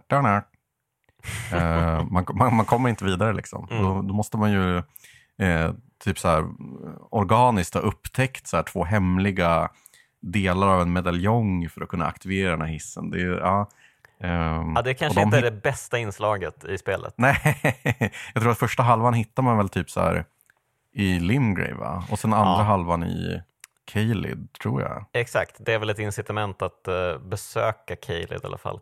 Och det är ju Ja. så jävla svårt att få tag på den andra i Caelid. Alltså Ja. det fortet, det är ju bara ren och skär terror. Yes. De här jävla fågelvarelserna som har tagit över det här fortet. Det är ju... Ja, visst är det när man liksom famlar runt i mörkret inuti? Ja. Ja, Ja. usch, usch. Ja, precis. Och sen ska man ju liksom hitta... Det är ju jävligt svårt att ta sig in i platsen där den här medaljongdelen finns också. För man ska ju hoppa över en liten klyfta och så ska man kunna se den. Man måste ju ha en, la- man måste ju ha en lampa med sig in här, annars går det inte. Mm. Ehm, så att, ja, här känns det som att de var lite väl s- mycket sadister ändå från software. Eh, men det Men, finns men, ju ja, faktiskt... men ja, precis. Allt det här går ju att kringgå Ja, såklart. exakt. Man behöver ju inte ta hissen. Man kan ju Man ta kan rida- vägen upp i bergen eh, och möta fåglarna igen. Ja, precis. Men då måste man först liksom rida eh, allra längst in i en... Eh, eh, man måste liksom rida längs med en å Mm. eh, ända in till bergen. Liksom, vilket i sig så här känns helt eh, godtyckligt att man skulle eh, komma på en- tanken ens att liksom rida in där. Ja, men jag tycker ändå att de har, för det finns ju en bonfire precis innan man rider över bron till hissen. Ehm, och det Ja, är ju det. inne i en raserad kyrka. Och den Ja. liksom leder ju ner i ett hål som sen för en in till eh, bergspasset eh, via den vägen. Ah, är det vid sköld, sköldpaddspåven? Nej. Ja, nej, sköldpaddspåven ligger längre ner i Liurnia. Ja. Ehm, Också behjärtansvärd karaktär. ja, det borde vi prata lite om också. Jättefin eh, karaktär. Eh, en liten sköldpaddspåve helt enkelt. Ja, det är en, det är en ganska fet sköldpadda med en liten, liten påvemössa. Ja, bra eh, poängterat. Eh, ja, och då... Mm. Förlåt, jag kom på en till grej. Ja, jag kom på en till grej. Mm. Eh, någonting som fuckade rejält med mig, det var ju den här Church of Inhibition Aha. i eh, Liurnia. Kommer du ihåg det? Man, man eh, rider upp för ett berg där, liksom, strax innan platån. Och så bara, shit det är massa råttor här och det dyker upp någon konstig mätare på skärmen så här, eh, som är orange. Och sen bara, ja du dog. Hmm. Eh, och det är ju ens första bekantskap med Madness-funktionen. Kommer du ihåg det här? Jaha, okej, okej. Ja. Mm, mm. Church of Inhibition är ju någon sekt som är uppe på ett berg eh, som har ett så här stort Sauron-öga eh, uppe på ett torn. Och när det här ögat kan se en så drabbas man av madness. Så man måste liksom smyga sig upp för det här berget och liksom ta skydd bakom vinklar och vrår. Liksom, Ja, eh, det här för är att inte ju drabbas av En ren, ren och skär Bloodborne-plankning verkligen. Eh, men, Ja, okej. Jag har inte kommit så långt i Bloodborne. men, eh, men absolut, eh, brutal passage, yes. Mm. Eh, Men nu är vi uppe då äntligen i Altus Plateau. Det är liksom en, eh, ja, men ungefär som i Breath of the Wild eh, där man börjar spelet, fast här är det mer att man avslutar spelet nästan. Eh, är liksom en platå som är höjd ovanför resten av världen eh, där då huvudstaden finns, eh, men även lite byar och lite smått och gott. Och till eh, västerut så finns ju Volcano Manor och den här eh, stora vulkanen. Och, ja, Precis, men lejonparten här är ju någon slags här rost, eh, rostbrun eh, höstskog. Jättevackert. Mm, verkligen. Och här finns det också många sköna grejer att ta upp. Eh, det finns ju någon märklig by, eh, massa väderkvarnar, Ja, Wi- Windmill Village Ja, heter den, precis. bokstavligt nog. eh, där man möter någon jättemärklig eh, boss som heter Godskin Apostle. Ehm, Ja, och det är massa så här, eh, svensk-inspirerade så här, Ja. midsommarfirande häxor som dansar i ringar. Och det bara är allmänt sköna, Ja. eller allmänt läskiga. Liksom. Eh, har du, vad heter den? Är det Midsommar, den här skräckfilmen? Ja? Ari Aster-filmen, precis. Ja, exakt. Mm. Jag, jag påminns lite om den här. Ja, det kändes nästan som att det var en liten inspiration faktiskt. Ehm, Mm. mm. Så det är ju kul och sen så kanske man ber sig då mot eh, Volcano Manor och det är ju ett ganska svårtillgänglig plats. Men man kan ju ta Ja, sig dit på lite olika sätt då. Vi pratade ju lite om att man kan ju teleportera sig dit via en sån här eh, abductor virgin om de heter så. Mm. De här enorma, uh, superläbbiga, ehm, ser ut att vara mekaniska fiender. Ehm, ja, som. Och då... Tele- Vol- Mm. Volcano Manor är ju nästa sån här Legacy Dungeon, alltså en sån här eh, håla som liknar liksom Dark Souls 1, som, precis som Stormville Castle och eh, den här Hogwarts-skolan. Precis. Och, ja, och då kan man teleportera sig in under Volcano Manor och ta sig upp i Volcano Manor underifrån. Men då måste man möta två stycken sådana uh, Abductor Virgin samtidigt i en bossstrid också. Så det, det är svettigt. Eh, eller så tar man den andra vägen och eh, rider i bergen. Eh, men då måste man möta en svinjobbig boss som är någon sorts tjurliknande varelse på toppen av ett berg. Ah, den har jag med under Bäst och bossa faktiskt. Jag tyckte den var helt fantastisk. Mm. Ja, full grown falling star beast. Just det. Ja, jättekul bossstrid, väldigt svår, men det roliga är ju att man helt kan undvika den. Ja, absolut. Men, och det, det absolut roligaste är ju hur liksom så här, plötsligt den här bossen kastas i ens ansikte. För att när man ska ta sig upp på den här bergsvägen liksom, mot Volcano, Volcanic Manor så, så kan man ju, det finns ju såna här, det finns ju utplacerat i världen, som den är så vertikal också, så mm. har ju From liksom introducerat ett nytt koncept som är någon slags så här, kastvindar som är utplacerade eh, under höga berg och sånt. Så man kan liksom rida fram med Torrent och hoppa hundra meter upp, hundratals meter upp i luften. Mm. Eh, och det är precis vid ett sånt här ställe där liksom man står och blickar upp mot ett högt berg och bara okej, okay, hur tusan ska jag ta mig upp här? Och så upptäcker man den här kastvinden och så hoppar man upp. Och så när man direkt när man landar så bara oh shit, här skulle jag inte ha hoppat upp alltså. För då, eh, då, då, då stormar den här full grown falling star beast. Mm. Extremt arg fiende eh, rakt in i ansiktet på en. Um, Precis. Ja, jag... det, är väl, det är väl också någon slags, jag tror att de här, det är väl det som impliceras genom att man, striden utspelar sig i en krater. Och att de här mm. falling star beasts är någon slags fallna stjärnor eller fallna meteoriter som har någon slags liv. Mm. Ja, precis. Ja, men det, det har du rätt i. Um, och, ja, men väldigt mäktig. Och jag vet inte om det är exakt uh, innan eller om det till och med är efter. Men man, man, man rider ju över märkliga liksom, klippbroar och sånt uh, här uppe. Mm. Det är ju ganska svårnavigerat landskap. Liksom. Mm. Men, men här stöter man ju på, out of the blue, så sitter en trollkarl bara vid sidan av vägen. precis när man ska rida över en stor klyfta så sitter ju den här supermäktiga trollkarlen som verkar ha blivit tokig. Eh, ja. jag kommer inte ihåg vad han heter nu, men uh, han, det är ju han som ger en den här supertrollformen uh, som gör att man kan laserbeama uh, alla. Ja, Comet Azur. ja, han heter ju Azur, precis. Ja. Så att jag vet inte, han säger väl ingenting för att han är väl typ inne i sin egen värld typ. Men han bara sitter mm. där vid sidan och det är jättelätt att missa honom. Uh, ja, extremt lätt. Det är sitta bakom ett gäng stenar typ. Mm, precis. Uh, men jag hade turen att sätta på honom. Jag, jag liksom läste inte på senare att han står där, utan äh, att han mm. sitter där. Så att jag bara, vad fan gör du här? Jaha, går fram och snackar lite. Man får en spel. Huh? Vad är det som pågår? Uh, och så traskar man vidare. Alltså det där är ju bara ett, liksom ett självklart inslag i de här spelen, att det, det händer mm. en sjuk grej helt plötsligt. Ja, jag påminnes lite, jag vet inte, spelade du um, Morrowind när det kom? Eller senare? Ja, jag har nog, ja, precis. Jag spelade inte igenom hela, men det, tänker du på det där ögonblicket när eh, det dyker ner? ja, när det ramlar ner en trollkarl. ja.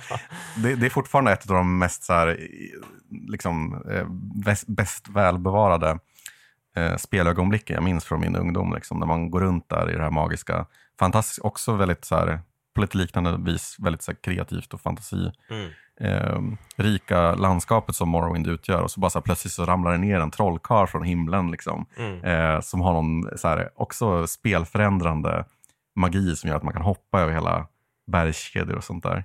Eh. Och då får man ju tänka själv, bara, jaha, han använder den här spellen för att göra det här superhoppet, men sen tänkte han inte på hur det skulle bli sen när han skulle landa. Liksom. exakt, exakt. Ja, man hör ju till och med honom skrika så här, ah, han har ramlat ner där. Liksom. Ja. Det var Eh, totalt oväntat. Magiskt. Magiskt.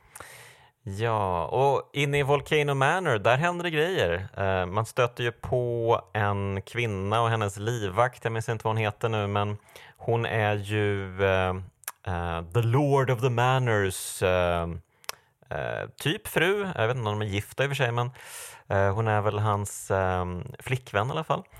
Um, jag, jag, tänker att hon är någon slags här, eh, översteprästinna i hans mm, kult. Eller så kan det vara också. Mm. Uh, men uh, ja, det är ju en av uh, Maricas barn som finns här också. Han heter Rykard. Um, en gång i tiden så hette han Praetor Rykard och var liksom... Ja, du ser. han var någon sorts judicator för religionen i det här landet. Men mm. han, uh, he went south kan man säga. Han blev istället the Lord of Blasphemy och uh, började språka med andra gudar för att uh, hitta på någonting helt annat. Mm. Ja, och hela hans existens känns ju rätt blasfemisk. Det man får man säga. Och det är, det är ju ganska kul när man kommer in i Volcano Manor. Då får man ju lite mission som man väljer att gå med på det här. Då. Att att uh, lönnmörda uh, karaktärer i spelvärlden. Mm. Det är ju ett jätte... Ja, just det, de här kontrakten ja. Man får ju kontrakt ja, på specifika karaktärer. Uh, Och det är jätteroligt. Då kan man ju välja att utföra dem eller inte. Men ja, då går man ju vidare den här questlinen då. Om man väljer att gå med ja, på av de där kontrakten leder ju fram till av de, jag tyckte det var en av de svåraste bossarna i spelet. Den här herren med dubbla piskor, kommer du ihåg honom? Ja, just det. Mm. Jag, jag, jag nådde liksom aldrig fram till honom för han piskade så snabbt. Ja, men eh, mycket roligt. Och eh, här via lite snirkliga vägar. Eh, här, här finns det ju gott om dolda vägar i mellan väggarna liksom som man kan ta sig in och ja, ut. Och man tar sig in i den, den lilla staden som ligger intill Volcano Manor också som ju också är mm. väldigt mäktig. Och det finns massa så här ormmänniskor. Som... Ja, och en av de så här sorgligaste små sidohistorierna här om eh vad, möt, vad heter hon? Hon heter ju någonting, den här eh, ormmänniskobetjänten som hon träffar. Ja, just det. Precis. Hon finns ju där inne ja, eh, i ett av rummen. Mm. Där. Ja. Och hon är typ bara ledsen och vill bli eh, människa igen. Mm. Och så kan man hjälpa henne via någon sån här snirklig eh, mikra en mikropizza fyra minuter och sen spring tre varv runt det där trädet och eh, hoppa upp Uh, ja, men någon, något helt arbiträrt. Liksom. Klassiskt recept. Uh, precis. Uh, och alla de här ormmänniskorna uh, ger ju en fingervisning om vad det är man kommer möta när man stöter då på Rykard. det är ju en otrolig inramning för en bossstrid. Det är ju liksom mitt nere i mm -hmm. vulkanen typ. det är liksom eld, aska, bränd sten och så är det en gigantisk orm i mitten av allting. Eh, och när man har piskat den eh, så vaknar den ju upp och visar liksom baksidan av huvudet. Och då får vi se att jaha, det var Rykard som eh, är ormen. Han har yes. gått med på att bli slukad av den här ormguden och bli en del av den um, för att på så sätt uh, bli the Lord of Blasphemy. Fantastiskt. Det är också en, en boss som är med på både konstigaste och bästa. Mm, föga förvånande. Mycket mäktig. Och det är lite, det är ju en boss man verkligen kan kisa för man får ju ett eh, supervapen precis innan bossstriden. Bara, eh, den här bör du använda. Eh, som, den är väldigt bra mot just ormbossar. Ja, jag, jag, läser ju inga, inga instruktioner i det här spelet, jag springer ju bara runt. Aha. Så jag hajade inte det okay. för, förrän långt senare. Men den, den trivialiserar ju stora delar av den här fighten, liksom, men mm. det fattade inte jag. Precis, man skjuter väl iväg någon sorts uh, ja, stråle. Harpun.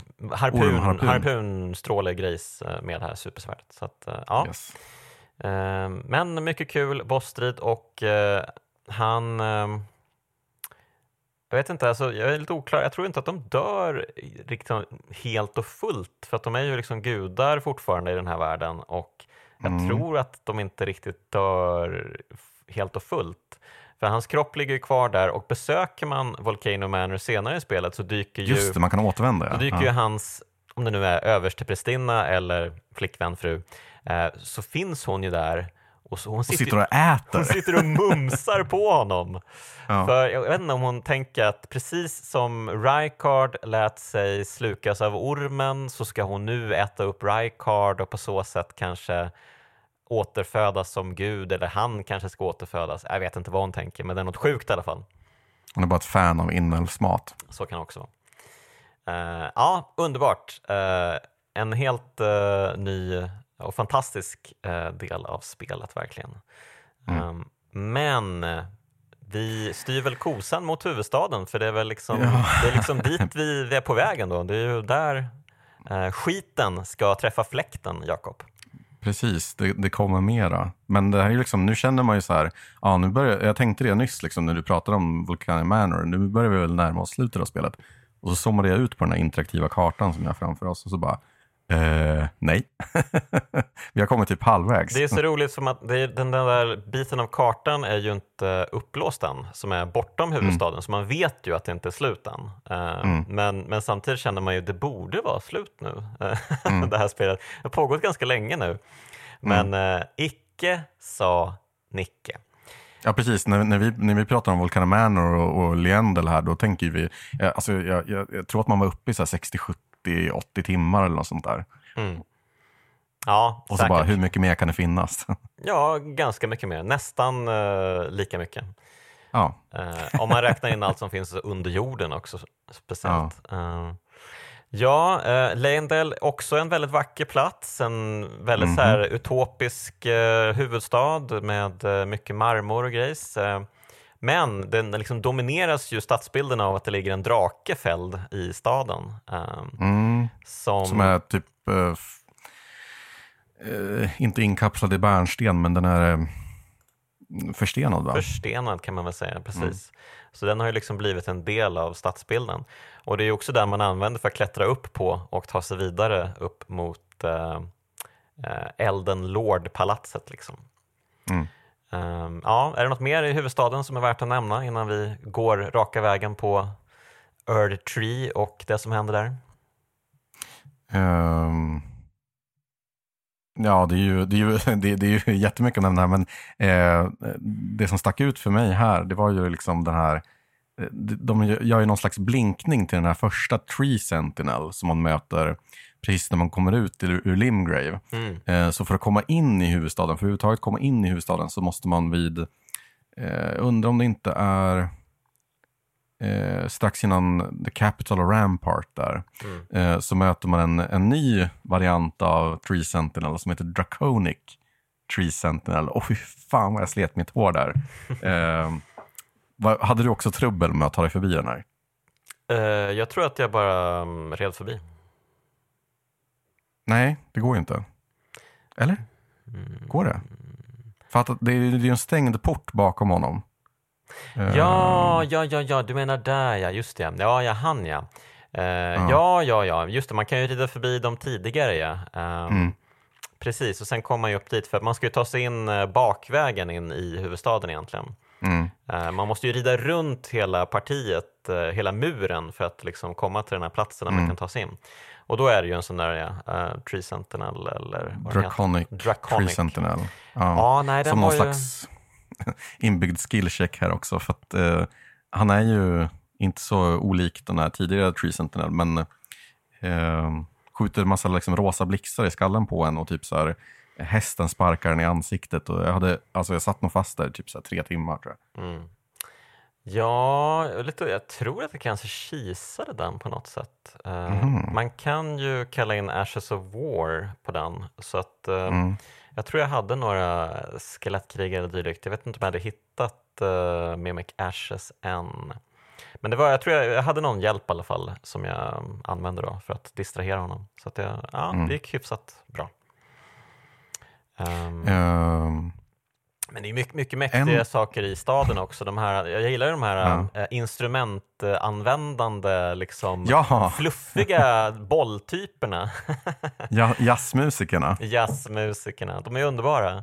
Ja. Ja. De, de, de, eh, de skjuter ju på en genom att så här, blåsa i någon slags så här, eh, klarinettliknande, nej, eh, trumpetliknande instrument som skjuter såpbubblor ut ur Mm. eh, själva trumpeten. As you do. Eh, ja, precis. Det var ingen ekivok metafor. Men eh, nu lugnar vi oss.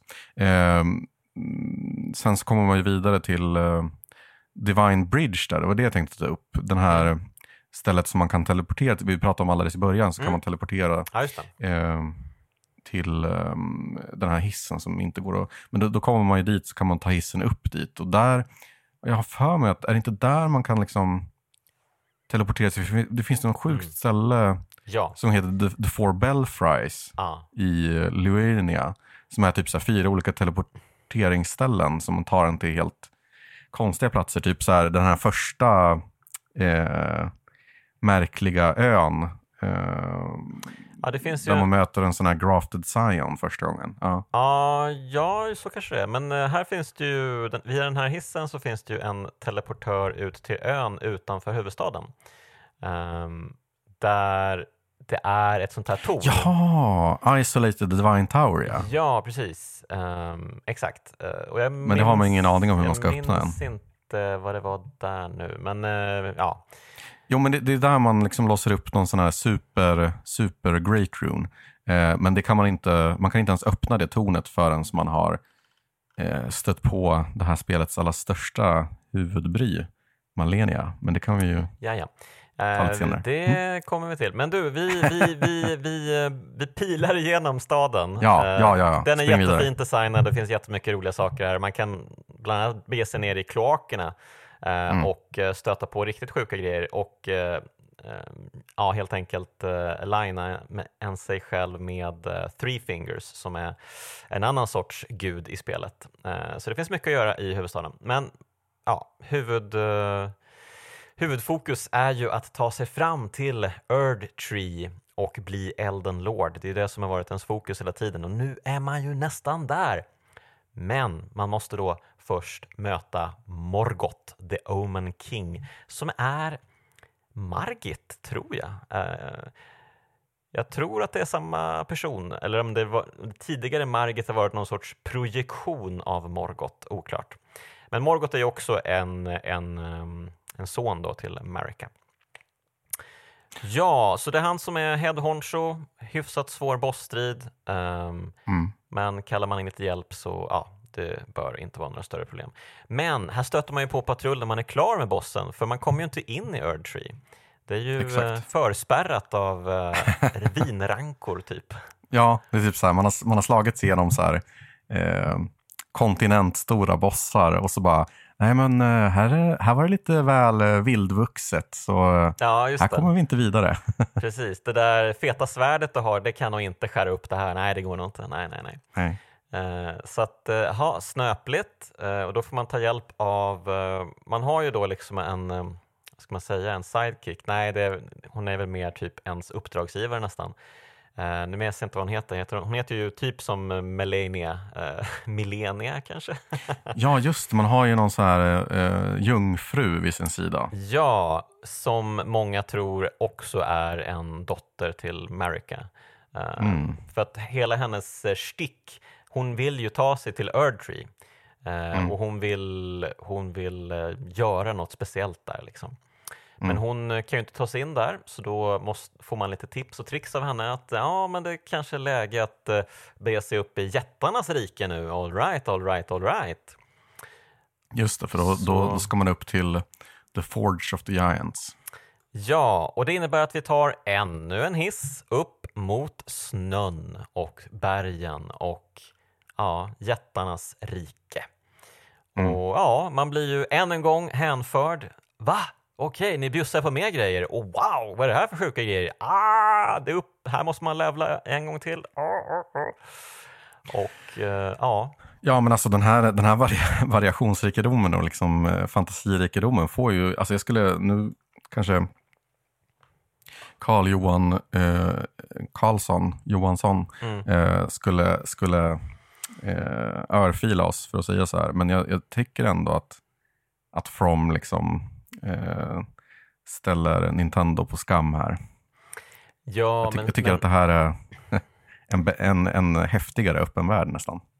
Ja, men jag, jag, jag är böjd att hålla med. Det enda som är lite tråkigt är ju att de, de avgränsar ju... I, I Breath of the Wild kan man ju ta sig till i princip alla platser när man vill egentligen. Eh, det är ju bara Mm. att klättra lite. Man kanske måste bli lite bättre på att klättra i, på vissa platser, men hyfsat enkelt kan man ju ta sig till nästan allt eh, utan Mm. problem. Här avgränsar de ju med de här hissarna till exempel upp till Altus Plateau och Mm. eh, framförallt hissen då upp till Jättarnas rike. Då. Eh, Så det finns ju liksom lite, det är ju lite mer eh, angränsat och kanske då eh, med liksom dolda, vad säger man, dolda murar kring, kring vissa eh, världar och så. Mm. Men Ja, men de murarna i Breath of the Wild, det är ju när det regnar. precis, om man ska klättra ja, ja precis.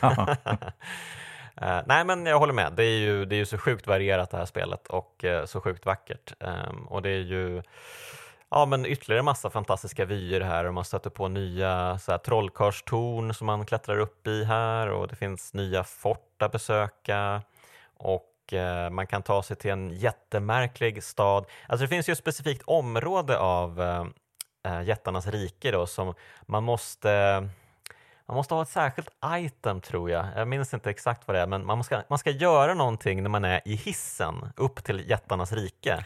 Ja, men det är ännu en sån här stoppa två pommes frites i näsan och hoppa Ja. tre varv baklänges och låser Ett, upp det. eh, Här, ett liksom. klassiskt From Software-recept med andra ord, eh, som man omöjligen kan veta eller liksom typ lista ut på egen hand. Man bara, okej, internet hjälp mig, hur tar jag mig till den Ja. här platsen liksom?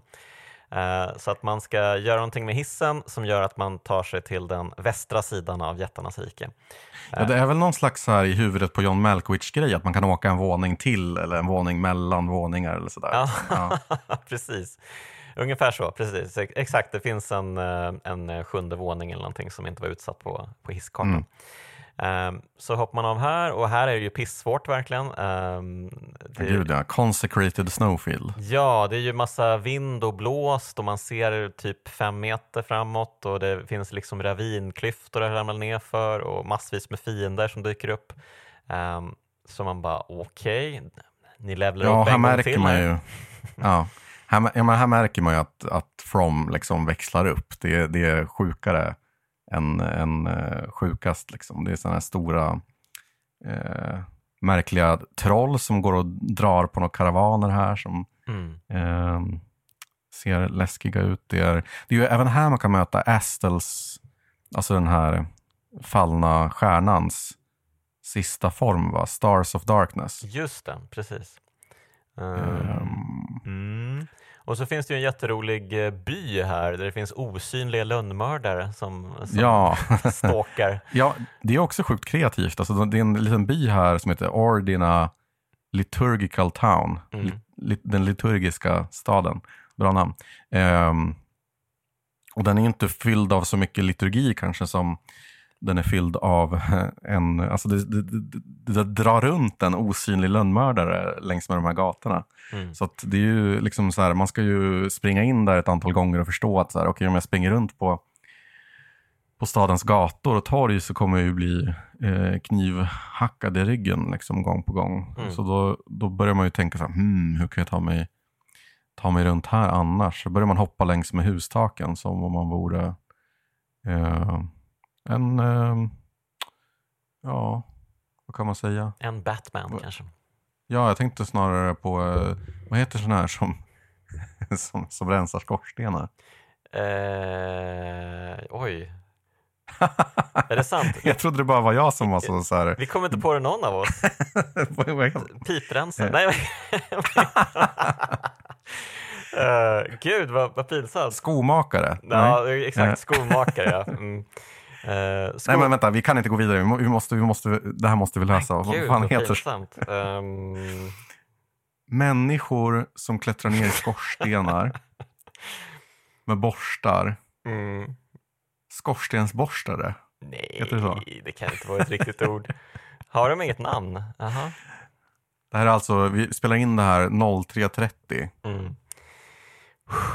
Okej, vi går vidare Jakob. Vi. Vi. går vidare. Eh, hur Ja. som helst, det, det är en väldigt speciell plats och eh, man Ja. kan ju faktiskt döda den här uh, lönnmördaren. Man kan ju hitta någon speciell lykta tror jag som gör att man kan se honom. Mm. Ehm, men det är ju inte det lättaste. Ehm, men det finns ju då en portal här i den här lilla byn som leder till The Hallig Tree och spelets svåraste boss. Ja, och typ spelets vackraste plats. Mm, Eller roligaste plats. Mm. Det är mycket klättrande i trädgrenar och man ska liksom lista ut hur man ska ta sig ner, för man ska ju hela tiden neråt till kärnan av trädet. Liksom. Jag vill, bara, jag vill bara säga, jag vill bara föra till protokollet att jag sitter och googlar efter vad det är. Okej. Vad en människa som rensar skorstenar heter. Men det, jag är så dålig på prompter så jag har skrivit så här, skorsten plus rensare. Eh, men jag, jag hittar ändå inte vad det heter. Men okej, nu måste jag också googla på det. Det här var det sjukaste jag varit med om. Det är någon slags så här kognitivt sammanbrott som sker i den här podden. Och alla ni som lyssnar, eh, grattis till er. Skorsten arbetare kanske? Skorstensfejare? Nej, det kan det inte vara. Det kan inte vara. Arbetare renovera sockerbrukets skorsten 1956. Jag hittade i Saub i alla fall, eh, skorstensfejare slash arbetare. Herregud. Vi Eh, återkommer till det här senare i podden. Vi, vi Herregud, kommer, nu går vi vidare. Haligtree, Jakob. Vad, vad, vad, vad hade du för känslor när du, eh, när du stötte på Haligtree?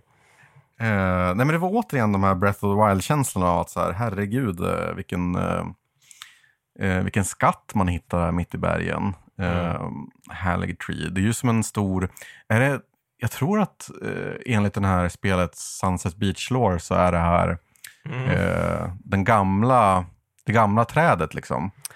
Ja, Eh, jag, ja mm, jag är lite osäker för att eh, det är ju... Okej, så här då. Mali- ja, det är Malinia. Malinia är ju den här bossen då som vi teasat om, spelets svåraste boss. Men hon har ju en bror som heter Mikella. Hon, hon säger ju när man möter henne I am Malinia, Blade of Mikella. Alltså att hon verkligen är hennes brors försvarare. Hon är ju superkrigaren. Men hennes bror är ju verkligen ingen krigare. Han är ju ett sorts, han har aldrig kunnat bli vuxen. Han är en sorts evigt barn som har fastnat i någon sorts eh, loop av något slag. Och han har fått för sig att ja, men jag kanske kan bli en gud i min egen rätt. Jag kanske kan starta mitt eget Earth Tree. Ehm, så hans plan, kanske då tillsammans med Melania, är att bli ett Earth Tree, att bli The Halig Tree. Så jag tror att The Halig Tree, ehm, det är liksom Mikella. Ehm, det. för det finns liksom en, en urgröpning allra längst ner i rummet där man möter Melania, eh, där det här liksom fröet där Mikella en gång låg, eh, liksom, det är en perfekt eh, liksom, urgröpning där det ska vara. Men Mikella finns ju inte här när man kommer hit. Utan Mikella finns ju någon helt annanstans i spelet, nämligen i underjorden. Okej, det blir lite mer lore här då, men eh, det finns en, en, en, en annan bror, jag tror en halvbror då, eh, som är Såklart. bror med Morgoth, som vi stötte på tidigare, eh, som heter Mog. Eh, och han, han eh, dyrkar en annan gud, precis som ja, alla dyrkar andra gudar i det här spelet. Eh, så att han, han bor i någon sorts bror blod, med- blodbadsområde. Han Ja, dyrkar någon ja. sorts blodgud. Eh, och han har då fått för sig att ja, jag ska kidnappa Mikella för att uh, Mikella är på väg att bli en gud och jag ska bli någon sorts uh, Elden Throne ehm, make till Mikella. Lite osäker på exakt hur han har funderat ut allt här. Eh, Du får lägga på det här, liksom, du vet, eh, trumpetmusiken från Sunset Beach i bakgrunden. Ja, jag får göra det, precis. Alltid när de här segmenten dyker upp igen. Eh, Men hur som helst, så att man, man hittar helt enkelt Mikella där nere då, i underjorden när man har besegrat Mog via en lång sidouppdrag som man håller på med. Eh, och då kan man gå fram och, eh, för det, är ju som ett, eh, det ser nästan ut som ett ägg som har öppnats, fast det är väl ett frö då, ett frö till The Halig Tree. Och så sticker Mikellas arm ut ur fröet. Eh, Som är kanske en, en antydning att han inte helt har blivit ett träd, att han fortfarande är en del av människan kanske. I don't know, men han, han verkar ju vara typ den enda guden som överlever spelet. Om nu gudarna dör helt och hållet. Okej, skit i allt det där, skit i allt det där. Nu går vi tillbaka till Halig Tree och eh, det underbara, underbara vi, vi upplever när vi tar oss ner i de här eh, slingrande trädgrenarna. Eh, och, men det finns ju även fina, liksom, det är liksom en liten stad som har byggts upp kring trädet också. Mm. Ja, precis. Hela den här, eh, hela den här segmentet av spelet är ju uppbyggt som att man springer runt som Piff och Puff i julgranen på julafton Precis. och liksom eh, kikar ut här. Och, eh, men man möts ju inte av en arg eh, kalanka eller eh, vad heter hunden? Ådi? Nej, vad heter hunden? Oj, nu tappar du jävligt sjuka saker. Jag har kan tappat- du tappa Pluto? Jag har ta- tappat konceptet helt. Verkligen. Ehm, Mm, utan man möts av eh, Malenia, Blade of Mikella. mm. ja, och eh, hur många försök tog det att besegra Melania? Gud.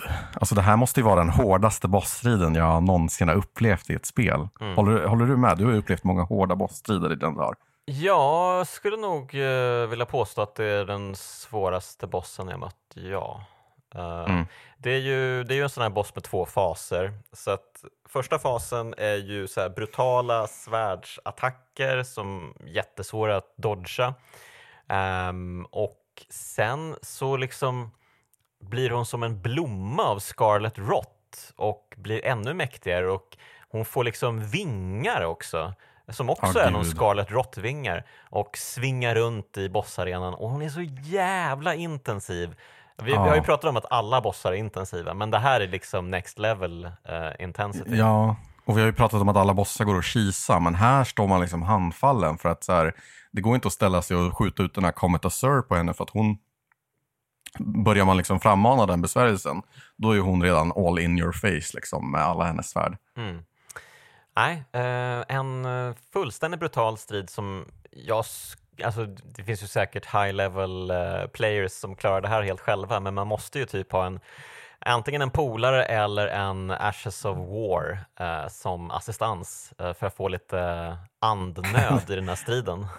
Det, dök upp någon sån här meme på typ Reddit och sånt där kring den här striden för att det var någon så här eh, ensam spelare som strök runt och liksom försökte hoppa in i allas spel och hjälpa till med Blade of Mikaelia. Och så hette spelaren Let me solo her. eh, och så står han liksom helt, helt naken eh, förutom eh, med en sån här syltburk på huvudet Mm. eh, och ett enkelt svärd och så bara så här, Let me solo her. Jävligt kaxigt, okej. Ja. Underbart. Eh, ja, nej men eh, ja, det tog ju då kanske en 20-30 försök för mig då. Men ehm, ja, trägen vinner, så är det. Förr eller senare. Ja, jag, jag var tvungen att bjuda in eh, någon slags sån här Let Me Solo Her-spelare till mitt spel. För Mm. att jag, så att jag kunde stå liksom i bakgrunden och bara skjuta spells. Liksom. Jag hade ingen chans. Jag hade, alltså på riktigt så, eh, människor som liksom kognitivt klarar av den här bossstriden, jag, jag bugar Mm. mig inför er. Ja, jo men jag använde mycket magi här också och lät väl någon Ashes of War. Jag hade väl Mimic precis vid den här tiden så det hjälpte jättemycket. Um, Mm. jag kan inte fatta hur man gör det här ensam alltså. Det är någon sjuk jävel alltså. Let me solo her. Men å andra Mm. sidan så finns det ju, om man kollar på YouTube så finns det ju så klipp på folk som spelar igenom hela, hela spelet på en sån dansmatta istället för... Mm, just det. Det finns ju människor till allt. Jo, men det, det, det roliga är ju att de, de ska alltid spela från software-spelen så det finns ju otaliga varianter. Liksom. Någon, jag tror någon har kört så här Donkey Konga, eh, du vet eh, bongotrummorna eh, har de Ja. använt till Dark Souls. så att eh, Det ja, är någonting eh, patologiskt i det där. det är ju så. Men ja, och när man är klar med Herlig Tree då kanske man återgår till den östra delen av jättarnas land för att ta sig upp till slut till den sista jätten. Ehm, som också är en brutalt svår bossstrid. Ehm, Ja, och rolig. ja, den har ju två eh, ganska skojiga faser. Den ena, liksom, han springer runt den, springer efter den ganska mycket. Man kan ju rida här också, eh, tack och lov, Ehm, och eh, undvika hans attacker och sådär. Men sen eh, andra fasen så kapar väl liksom ena delen av kroppen av eller så liksom landar han ner liksom så att han är, tornar upp sig med liksom ehm, bara sitt eh, överkroppslekamen och ja, blir Skjuter eldbollar på en. Men det, jag, jag, tänkte, jag tänkte att det roliga var ju att han liksom eh, väldigt klumpigt och så här, nästan lite lyteskomiskt kastar sig och rullar, försöker liksom Mm. eh, rulla över den åt sidan så här, du vet som när man skulle rulla sig på skolgympan när man var liten. Ja, det. Eh, det ser ungefär lika klumpigt ut. Han är också rejält hård den här bossen. Jag, jag hade lite problem med honom. Mm. Ja, det hade jag med. Det var nog också ett x antal försök här, definitivt. Ehm, som att uh, stånga sig mot väggen, precis. Och så är det ju med Ehm. mycket av From Softwares hemska bossar. Man Mm. ska lära sig varenda jävla attack och när den kommer och eh, hur man undviker den. När den Ja. går. Mm. Eh, ja, eh, men när man har spöat den här jättekillen då får man ju tillgång till hans eh, stora härliga gryta med eld i. Ja, Forge the Giants. Just det, och då kan man ju välja då eh, antingen som har varit nere i eh, eh, ja, man har gjort någonting i alla fall tidigare som gör Mm. att man själv kan använda sig, att, för att jag tror att det är så att hon Milenia, om hon nu heter så, jag kommer inte ihåg, eh, ens kumpan som, som gör att man kan levla upp, som är med en, som var den som eh, Eh, ja, men ens jungfru helt enkelt. Ens, ens, ens musa, ja. Ens musa, precis. Bra. Eh, hon har ju sagt att hon tänker använda sig själv som fyrbåk och tända eld på Erdtree. Men man kan ju faktiskt välja att använda sig själv som fyrbåk och tända på Erdtree. Eh, någon, någon ska brinna, någon, någon... ska liksom utsättas för spontaneous combustion. Ja, eh, så det blir en, en fantastisk syn då. Eh, Erdtree eh, blir ju, eh, ja men den börjar brinna helt enkelt. Och... Ja, det här, det här, stora trädet som liksom har spridit ut sig över himlen var man än har tittat i spelvärlden under hela, alla de här hundratals, eller åtminstone ett hundratal eh, timmar som man har spelat så har det Erdtreet sträckt ut sig över hela himlavalvet. Eh, och så i det här magiska ögonblicket vid The Forge of Giants så börjar det här trädet brinna. Eh, och spelvärlden förändras. Ja, och det sjuka är ju att här tänker man ju all right, all right, tillbaka till Erdtree, okej, okay, dags att spöa lite slutboss, all right, all right. Mm, mm, mm, Nej. Mm, mm, Nej, det är inte alls vad som händer. From Software är inte klara. De bara, eh, oh by the way, vi har en ny arena här som du får åka till. Ja, nu är det dags att styra kosan till en ny, ja man skulle kunna kalla det för en liten kontinent. Ja, den heter då Crumbling Farum Azula och det är ju en sorts stad uppe i luften som har förstörts av, ja men kanske en meteor eller komet eller någonting. Så att allting liksom hänger lite pö om pö. Ja, men det är liksom en, en, en stad som är så suspenderad i eh, någon slags konstant virvelvind. Ja, verkligen. Och här finns det ju riktigt sjuka grejer. Då. Eh, om man trodde att det tidigare sjuka inte var sjukt nog så levlas allt det sjuka upp igen. Här finns mm. en av svårets svåraste bossar som är Svårets helt... svåraste? Ja, ja, ja, ja, absolut. Eller en, jag skulle säga att det finns två av spelets svåraste bossar här. Uh, ja. En är ju helt valfri då, Dragon Lord Placidusax. Uh, vilken jävla intro till den bossen alltså. Tjenare, wow. Det är väl den starkaste draken i hela spelet och någon sorts ja. urdrake för alla drakar också. Och jag tror att man, jag vet inte, åker man tillbaka i tiden för att möta honom? Det är någon sjuk grej i alla fall som inleder striden. Ja men är inte hela, hela Crumbling Faramazula Utspelas inte det liksom bakåt i tiden? Eller? Men det kanske är en tidsreva hela spelet. Jag är lite osäker ja. på låren kring det här. Mm. Uh, men hur som helst, uh, jävligt mäktig bossstrid. Uh, mm. Och det är ju inte den enda, för sen när man är klar med allt, när man har sprungit runt på hela Crumbling Firmsula och tagit sig upp till eh, eh, det stora bossrummet, då möter man ju då eh, den här Beast Clergyman, eller vad han hette, mm. eh, som vi pratade om nere i Kalid, som ju eh, åt eh, Deathroot och eh, var allmänt eh, vresig. ja, en arg kap kapibara i, i någon slags morgonrock. Ja, så att uh, han är ju en intensiv boss som halvvägs in i striden avslöjar sig som Maliketh the Black Blade, uh, Marikas uh, skugga, halvbror, vad vi nu än pratade om tidigare. Uh, mm. Den här snubben som alltså vaktar Destined Death. Som gör att gudar kan dö. Då. Precis. Beast Clergyman kastar sin morgonrock och det som möter den är inte eh, särskilt hett. Ja, alltså det, den ser ju ganska ja, cool ut. Ja, det är ju hett på sitt sätt. Det ser ju ja, väldigt cool ut. Det är någon sorts vargliknande krigare som jag tycker är en jävligt cool design är det ju. Men mm. absolut, man, man blir lite spak för det här är ytterligare en galen fiende som är in your face direkt liksom med sina attacker. Mm -hmm. Maliketh the Black Blade. Ja, men eh, så när man besegrat även honom då, då har man väl, antar jag, fått uh, Destined Death kanske och är redo att möta Erd Tree. Är det dags nu? Ja, jag tror det. Om du inte vill säga något mer om det som händer i underjorden. Nej, jag, jag bara, det var en retorisk fråga. Är det dags nu? Är det, får vi äntligen uh, be oss in i Erdtree? Eh, det är dags de... nu. Det är dags nu. Men, men det, det är såklart, nu. det finns ju massa sidouppdrag man fortfarande kan göra i spelet. Ja. Och som ja. sagt, det finns ju mycket kvar i uh, underjorden som vi inte pratat om, men som vi kanske inte mm. behöver ta upp allting heller.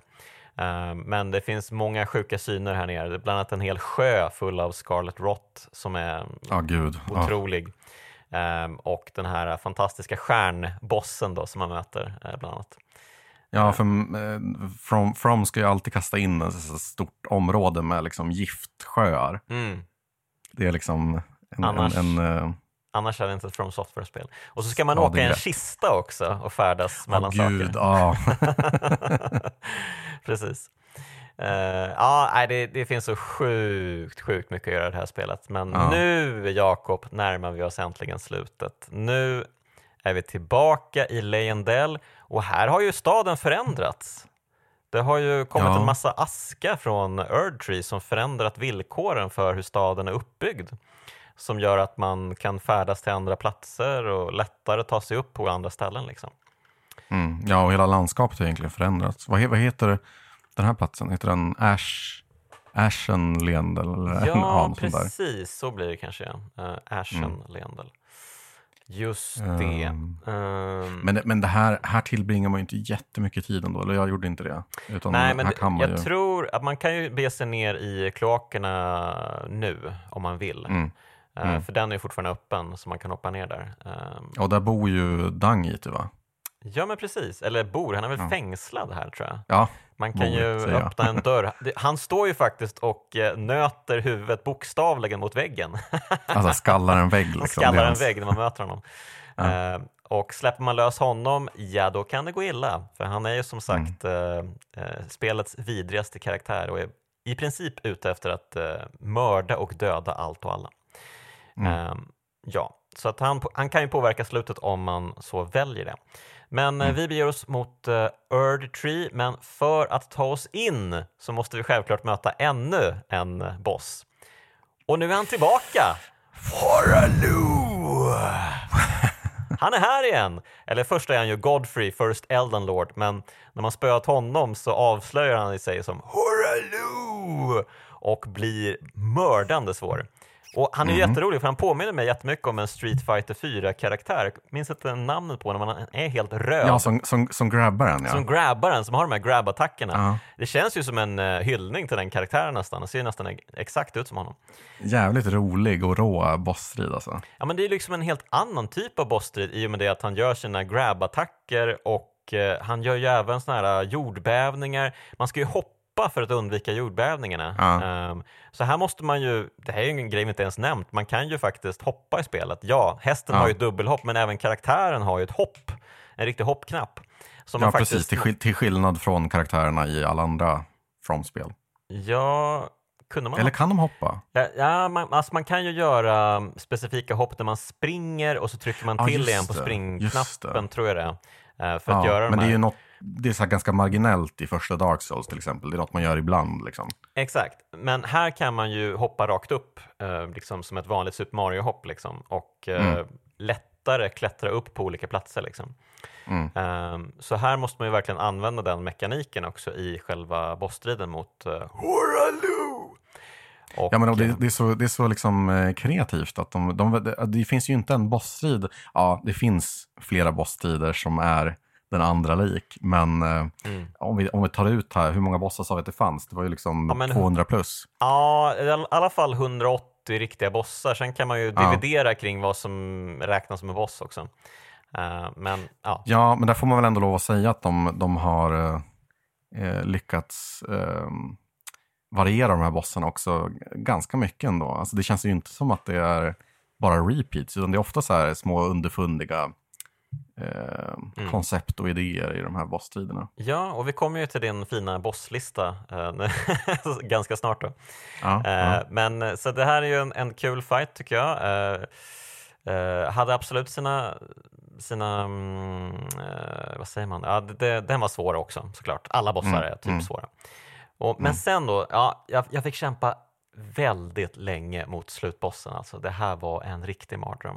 ja, jag minns ju att vi hade någon slags mailkorrespondens när vi båda var på eh, slutbossen i det här Mm. spelet. Kommer du ihåg det? Ja, där kommer jag. Ehm, Ja, och den mejlkorrespondensen pågick väl i veckor också? Gjorde den inte det? ja, jo. ja. Vi, eh, vi eh, skallade en vägg här så att säga som, som eh, den vidrige Dung Eater.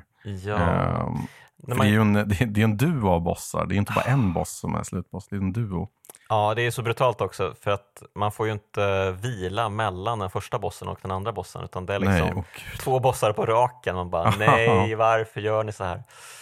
men det är också en så här härligt ögonblick av så From Softwaresk ehm, liksom emergens, eller vad man ska säga. Alltså så att, ehm, eh, den här första bossen, Radagon of the Golden Order, en ganska hård boss i sin egen rätt. Eh, om man liksom direkt när man spånar bara kutar allt vad man kan och ställer sig så här eh, haka vid haka med Radagon, Mm. då bara så här, då, då upptäcker han inte att han, att man är där. Liksom. Det är något fel på spelet. Så att, eh, vi klurade ut båda två att eh, det här gick att göra. Eh, så det var ju så jag liksom spöade den här bossen till slut. Att man, man ställer sig liksom precis haka vid haka med den här bossen och han bara "Öh." Och då kan man ju ladda upp en sån här Comet Azure och bara spränga den här bossen till Jag helvete. är lite osäker på om man kan göra det. Man, man skulle ju använda något, eh, något ganska dåligt vapen för att få in en enstaka träff, eh, läste jag mig till i alla fall. Men du kanske lyckades använda Comet Azure? Ja, men man ska ju använda det här dåliga vapnet först och sen så kan man, eh, så minns jag det i alla fall, sen kan Mm. man liksom eh, verkligen panga på honom. Eh, Ja, jag läste att de har patchat den nu tyvärr, så att jag tror inte Aha, att okej. den möjligheten finns längre. Men Då hade jag aldrig klarat Elden Ring faktiskt. inte ens med jättemycket hjälp. Eh, ja, kanske, kanske. Ja. Ja, men jag, an, jag använde ju, eh, jag, tog hjälp av andra spelare här för att jag hade jättesvårt med den här bossen. Mm. För jag, jag lyckades inte få till det här alla gånger heller, det här att han stannade. Så jag, jag varvade det här med att spela med andra spelare också mot honom på riktigt. Ja. Liksom. Ja. Eh, och det var ju en brutal fight, verkligen. Han, är ju, han hoppar ju upp i luften också och gör sina galna Ja. attacker. Och väldigt svår att komma in på livet liksom och få in eh, attacker. Eh, Man Mm. får ju sällan in två attacker på raken utan man får liksom nöja sig med ett eh, enkelt slag liksom och sen bara tack, jag, jag backar nu. Tack Mm. för mig. Eh, ja, men och det här är ju liksom en av spelets svåraste bossar. Liksom. Det är ingen, eh, det är ingen eh, lätt dörrvakt sådär, utan det är ju en, en eh, redig boss. Ja, jag menar, det, är ju, det är ju America, det är ju America Radagon, det är ju liksom the goddess, uh, gudinnan över eh, the lands between. Liksom. Men sen då får man möta den, den verkliga guden då, um, Elden Beast, um, tätt in på det här. Och det ja, är ju... det här var... Ja, men det är ju väldigt fin design tycker jag. Det är de här Mm. um, Elden Ring-mönstren som går igen i någon sorts uh, uh, vattenliknande form typ. Det ser ut som någon slags stor barbapappa. Ja, men där har du det, precis. En, en barbapappa slåss vi mot och Mm. ehm, ja, feta Varför attacker. inte? Varför inte? Eh, ja men precis, och det, det här är ju spelets här, största what the fuck moment, liksom när uh, Radagon of the Golden Order äntligen är nere och man själv har, liksom, så här, man har slösat alla sina health potions och man har en, en sån här uh, magi potion kvar och bara yes! Jag spöade spelet, jag är värdig. Eh, jag eh, kommer sova gott ikväll och sen så bara nej. Varsågod. Jag kommer inte sova gott på många, många kvällar till. För nu kommer en till boss som är, ja jag vet inte, Elden Beast kanske är lite enklare egentligen för att Mm. den är ju Jag tror det. lite som en barbapappa, eh, ganska sävlig och liksom finns ju mycket att slå på. Mm, det finns mycket att slå på. Det enda grejen är ju är att den, den rör sig ju jävligt snabbt och så flyger den till andra sidan av bossarenan som är mm. jättestor. Så man måste ju kubba jättemycket den här bossstriden. Mm.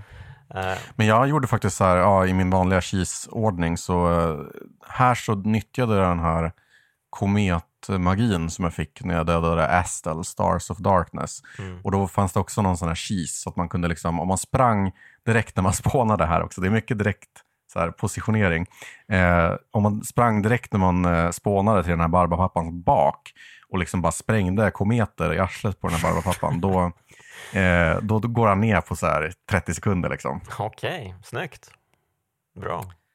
Ja, det Ja. tog längre tid för mig, men eh, Mm. ja.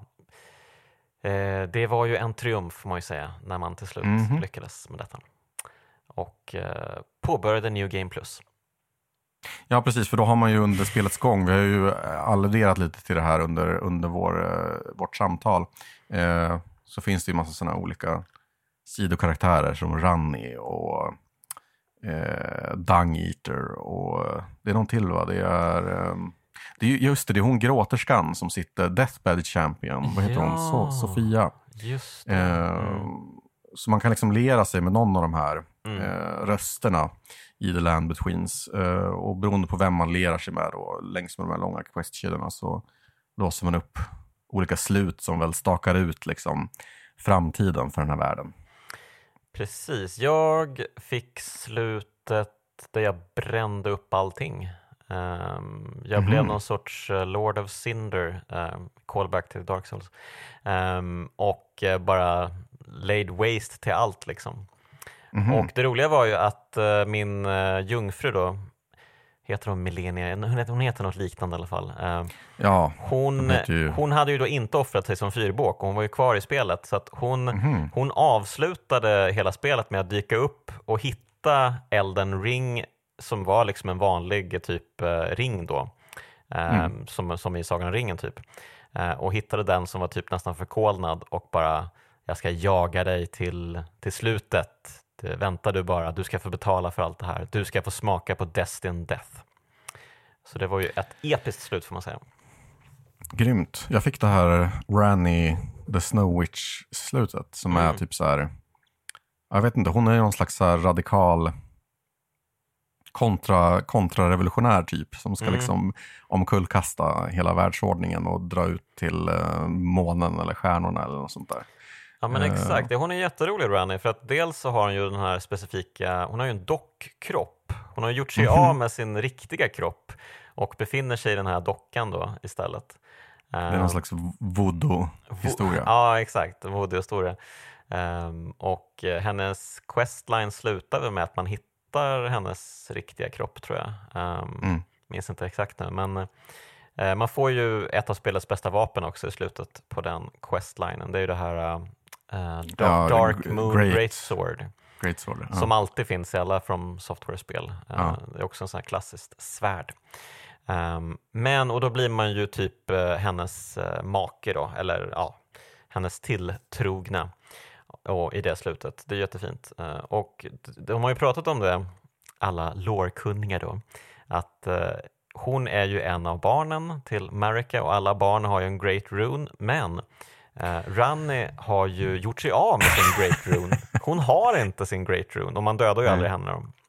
In med Sunset Beach-introt. Eh, Exakt, så att det är många som menar att ja, om det blir en expansion, då kanske det är så att ja, då kanske vi ska få hitta den här sista Great Runen, uh, Runnis Mhm. Great Rune. Och då funderar jag på om det inte kan vara så att vi i expansionen får åka till månen. Ooh.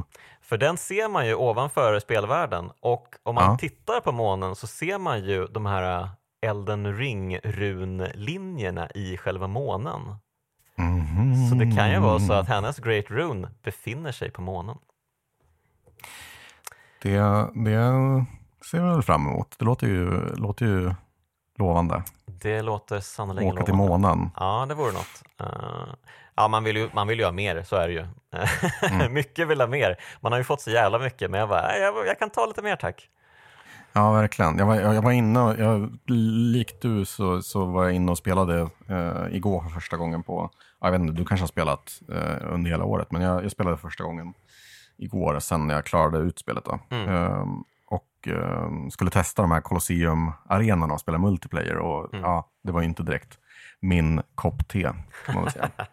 Eh, så jag avinstallerade spelet igen, men jag skulle absolut kunna tänka mig att ehm, dedikera de här eh, 100 gigabyten på min Xbox eh, till den här Elden Ring-installationen om de släpper en expansion. För man vill ju verkligen, ja, men det är som du säger, man vill se vad de hittar på eh, i den här världen härnäst. Och det känns ju som att det kommer vara typ månen eller så här, Mm. eh, ja, någonting ännu galnare. Det måste ju nästan bli så, precis. Ja. Eh, Ja, men eh, vilken mäktig upplevelse. Och eh, nu då har vi äntligen kommit fram, Jakob, till dina bosslistor. Ja, då skulle jag väl Take först vilja eh, nominera eh, den reformerade ortodoxa rabbin Bill Clinton. Eh, en gång till. Den reformerade ortodoxa rabbin Bill Clinton. Nej, eh, du, du vet vad jag refererar till eller? Nå, är det någon, aha, eh, det är någon prästliknande fiende eller? Va? Nej, nej, det var, det var ju eh, en ung eh, lustigkurre som kraschade The Game Awards. Jaha, Eh, när- okej, okej. När, när From Software skulle ta emot priset för årets spel för Elden Ring. Ja, så ja, gick han ja. upp där med de där eh, japanska utvecklarna och så här, eh, såg eh, ut som att han hörde hemma där. Och så, så när Miyazaki de där hade tackat för sitt så gick han fram och bara så här. Eh, I think I want to nominate this award to my reformed orthodox rabbi Bill Clinton. Och alla bara what the fuck? det var, var ett bisarrt ögonblick och framförallt så här att se, vad heter han den här eh, mannen med döda ögon, vad heter han? Um, speljournalisten som alla älskar att jaha, Jeff eh, Keely. älska. Ja, precis. Han såg ju han såg ut som att han hade eh, gjort på sig. Eh, det var ju inte, inte en del av planen att den här Mm. eh, herren skulle upp på, på Mycket, mycket kul spratt, men eh, lite osäker på, eh, han verkar vara en lite mörk figur den här typen. Så att, eh, mm, Ja, jo. ja. Ja, det finns säkert någon så här eh, högerextrema, eh, vänsterextrema. kan eh, finnas några sådana konnotationer kring det. Eller? ja, Ja. mm. Mm. Ehm, men eh, jaha, du vill nominera det till vad då? eh, nej, vi måste skilja på konst och konstnär här. Och det, är ju, det, ju, det var ju ändå, eh, det ledde ju till komik. Eh, nej, men jag Bästa skulle vilja... komiska ögonblick i Elden Ring alltså. Okej, där har vi Ja. det. Mm. Eh, metakomiska ögonblick. Eh, nej, men vi kan väl gå in på de bästa bossarna. Det är väl eh, den fetaste listan. Mm. Eh, och där har jag utan inbördes eh, rangordning sådär, skrivit ner Star Scourge Radan, Mhm. eh, som vi har ägnat en stor del av den här podden åt. Ja, det liksom, ord är väl överflödiga, eller vad säger du Jonas? Ja, behöver man säga något mer egentligen än det vi sagt? Eh, nej. Jag börjar bli trött Nej. nu känner jag. Ja, jag har med. Jag Jag har har på fan länge. tuggat på. Det är precis som när man spelar det här spelet. Man blir liksom Mm. eh, tröttare och Jag tröttare. känner, den här poddinspelningen just nu, det, det är lite dung läge Vi står och dunkar huvudet mot väggen just nu. Men, eh, Ja, okej, okej, okej, okej, okej. Ehm, Nej, men sen har vi Draconic Tree Sentinel. Ja. Eh, Mm. Den här eh, gatekeepern Mm. tyckte jag var jätteroligt när man liksom eh, väl lyckades låsa upp honom. Mm. Jag vill också nominera eh, som bästa boss eh, Godfrey, eh, eller Horalu. Horaloo! Ja, mm.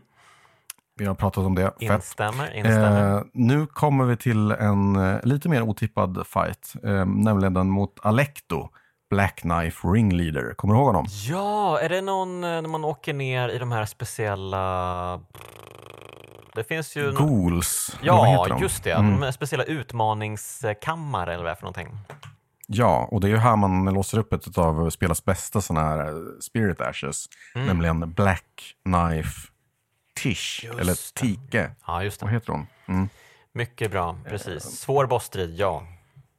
grym. Mm. Eh, och sen en strid som vi glömde bort här i, i all vår uppspelthet över eh, Consecrated Snowfield, det var ju det här alldeles innan det i eh, The Land of the Giants så hittar man ju den här Borealis, The Freezing Fog. Ah, Kommer du ihåg det? Ja, jag kommer ihåg. Ja, mm. Ja, man rider ut på en sjö och så bara plötsligt blir det en snöstorm och så bara så här hör man något skrik i luften och så, så dyker det ner en isdrake som, ja, mäktig, mäktig strid. ja.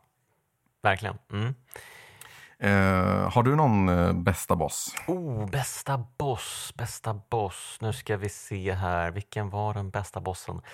Eh, du, det är ju så sjukt många bossar att eh, behöva traggla igenom här lite snabbt. Men, ehm, nej, men alltså mäktiga upplevelser. Alltså Radan, självklart. Malenia, självklart. Um, Rykard var ju en otrolig inramning liksom.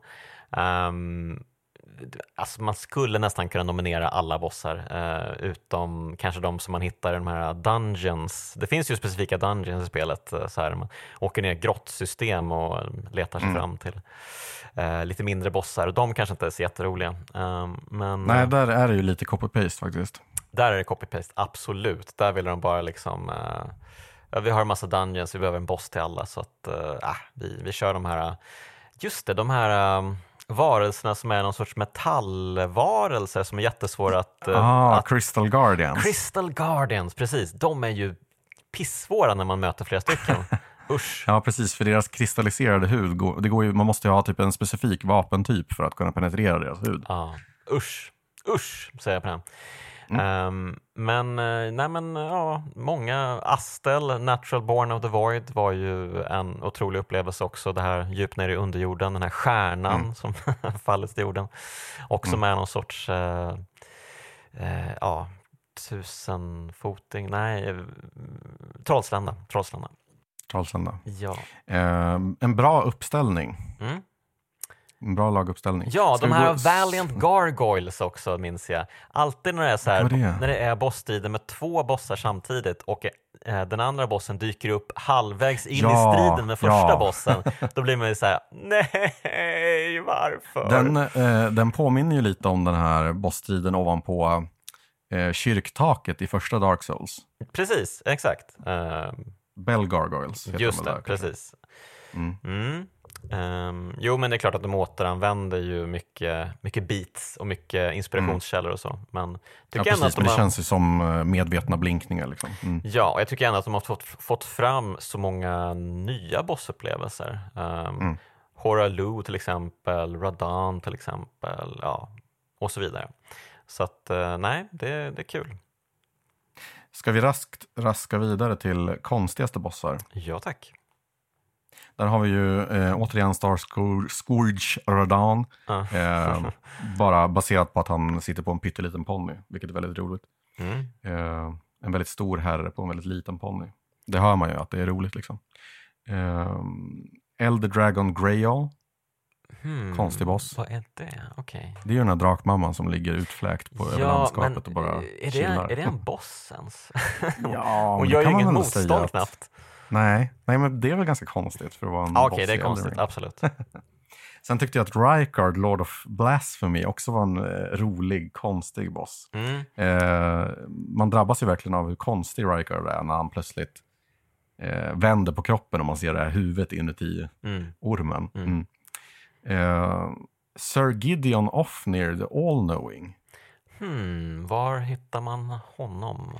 Det är, ju den, det är den första, jag förstår att du inte minns honom, för det är ju den första bossen när man ska liksom till slut be sig upp till eh, Erdtreet. Så Ja. måste man inte bara gå igenom Horalu och eh, eh, Morgoth eller vad det nu är. Mm. Utan eh, det är ju någon så här gammal gubbe som typ kommer fram till en och bara så här, nu måste du slåss mot mig.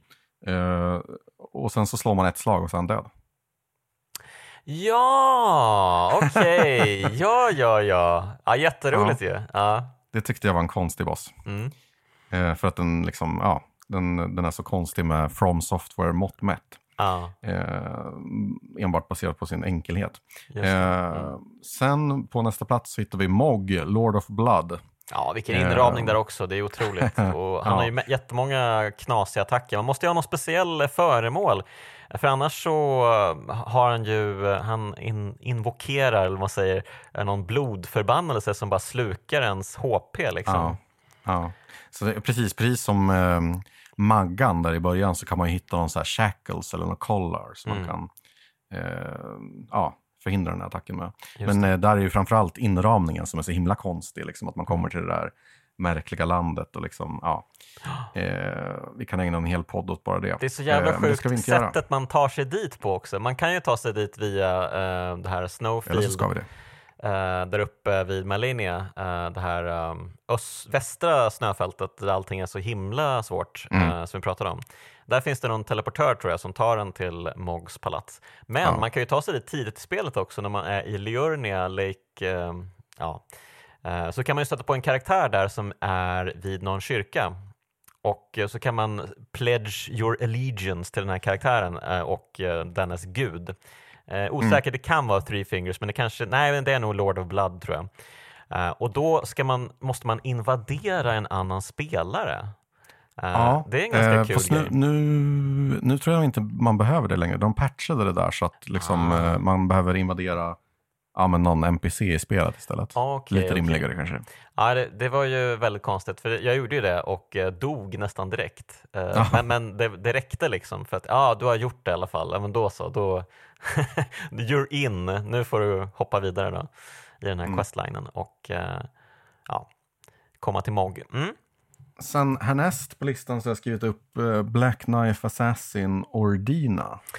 Ha, är, jag det, är det ytterligare en sån här, ehm, eh, vad heter de, de här speciella kammarna? Eller? Nej, nej, nu vet jag varför jag skrev upp det här. För det här är ju precis det här vi pratade om eh, med eh, i Consecrated Snowfields, den här eh, Ordina Liturgical Town. Ja, där det smyger omkring en assassin på gatorna. Det tycker jag var en konstig och rolig boss. Liksom. mm, okej. Mm. Tibia Mariner.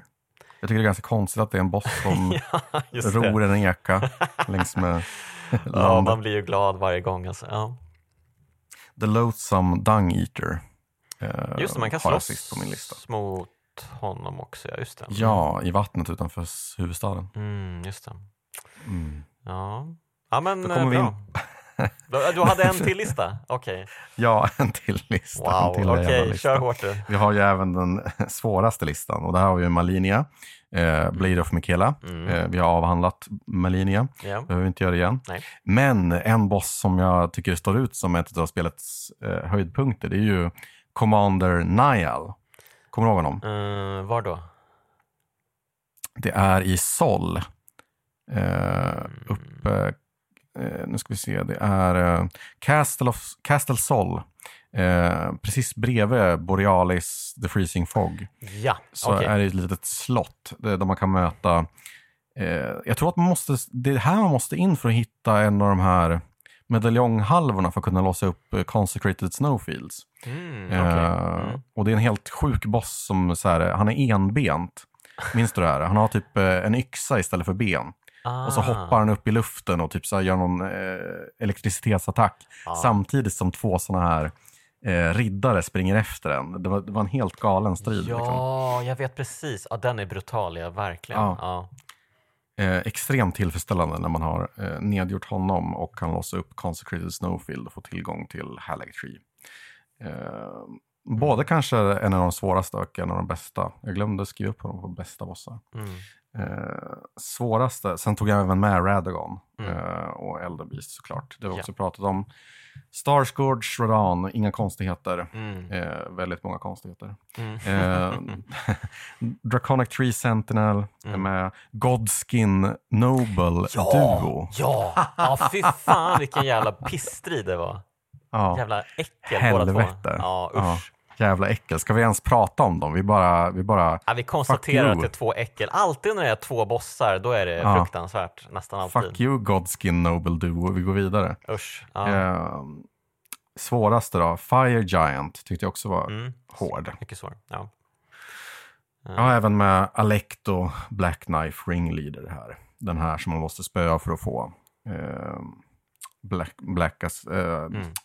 Bla bla bla Assassin bla. Tick. Ja, bla, Alla bla, dessa Nu, items. Ja, ja, ja, ja, ja, visst. nu är vi på topp här du och jag.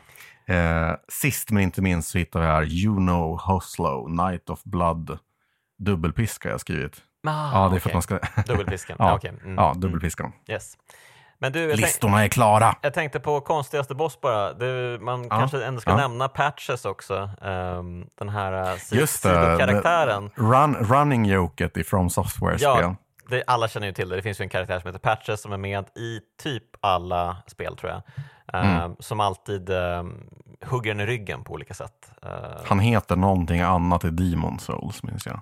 Ja, så är det kanske, ja, precis.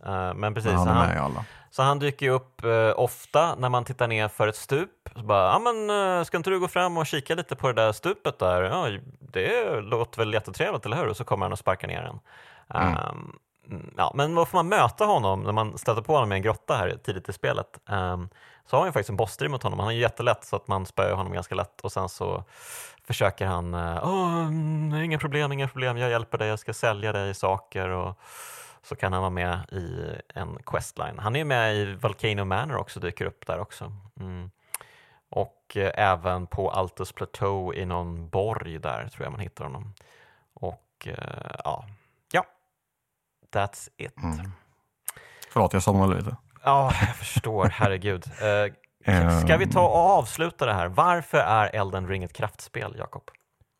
Uh, nej men det var ju någonting vi skulle prata om innan dess. Vi skulle ju återkomma till um, ja, Jonathan cirkelkomposition, cirkelkompositionen. Precis. Jonathan Blows kritik, jätteroliga kritik. Det är en 26 minuter lång video.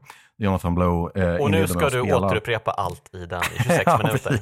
Okay, Transkriberat 26 mm. minuter. Här Go. kommer det. Uh, bla, bla, bla, bla, bla. Nej, uh, men han spelar inledningen till Elden Ring och liksom bara klagar på allt. Jätteroligt. Uh, och allt, allt det här är ju liksom eh, befogad kritik. Han, han klagar liksom på de här arbiträra RPG-systemen som bara är fullt av siffror som ingen fattar någonting av. Och det är ju liksom, ja, eh, det håller man ju med i rakt av. Eh, och eh, sen så hatar han ju även på det här eh, meddelandesystemet. Eh, med, med att, ja, för det kan man väl ta upp också. Det återkommer ju i alla Souls-spel, liksom, att man kan meddela sig med andra spelare och skriva mm instruktioner om hur man ska ta sig vidare och sånt där. Men eh, i, eftersom eh, demografin för det här spelet ser ut som den gör så, så har ju det här blivit ett sätt att nedteckna typ pruttskämt. Eh, finger framför... butt hole. Try, try finger butt hole. Ja. Precis, för man konstruerar de här med någon slags märkligt syntax. Man har bara vissa ord att välja på. Så då har de satt ut sådana meddelanden framför alla typer av så här fasta statyer och sånt där som böjer sig fram så står det så här try finger butthole. Mm. Och det där var ju svinroligt så här första gången. Och sen, sen inte så roligt. Mm. Ja. Uh, Nej, ja. men så, så det, det, det, klagar han ju på, det nedgör han ju. Han tycker det är liksom bara eh, tar en ut ur immersionen, liksom, ut ur upplevelsen. Mm. Och det får man väl eh, kanske också ge honom på något plan. Jag kan tycka att den tjänar en funktion också. Men, ja, eh, man kan ju också välja att spela spelet offline. Ja, ja, det är sant. Mm. Eh, jag tycker han ger upp lite tidigt på Elden Ring ändå. Eh, han konstaterar att det här eh, Erd-treet är väldigt vackert och att det är, det, det är den största förtjänsten.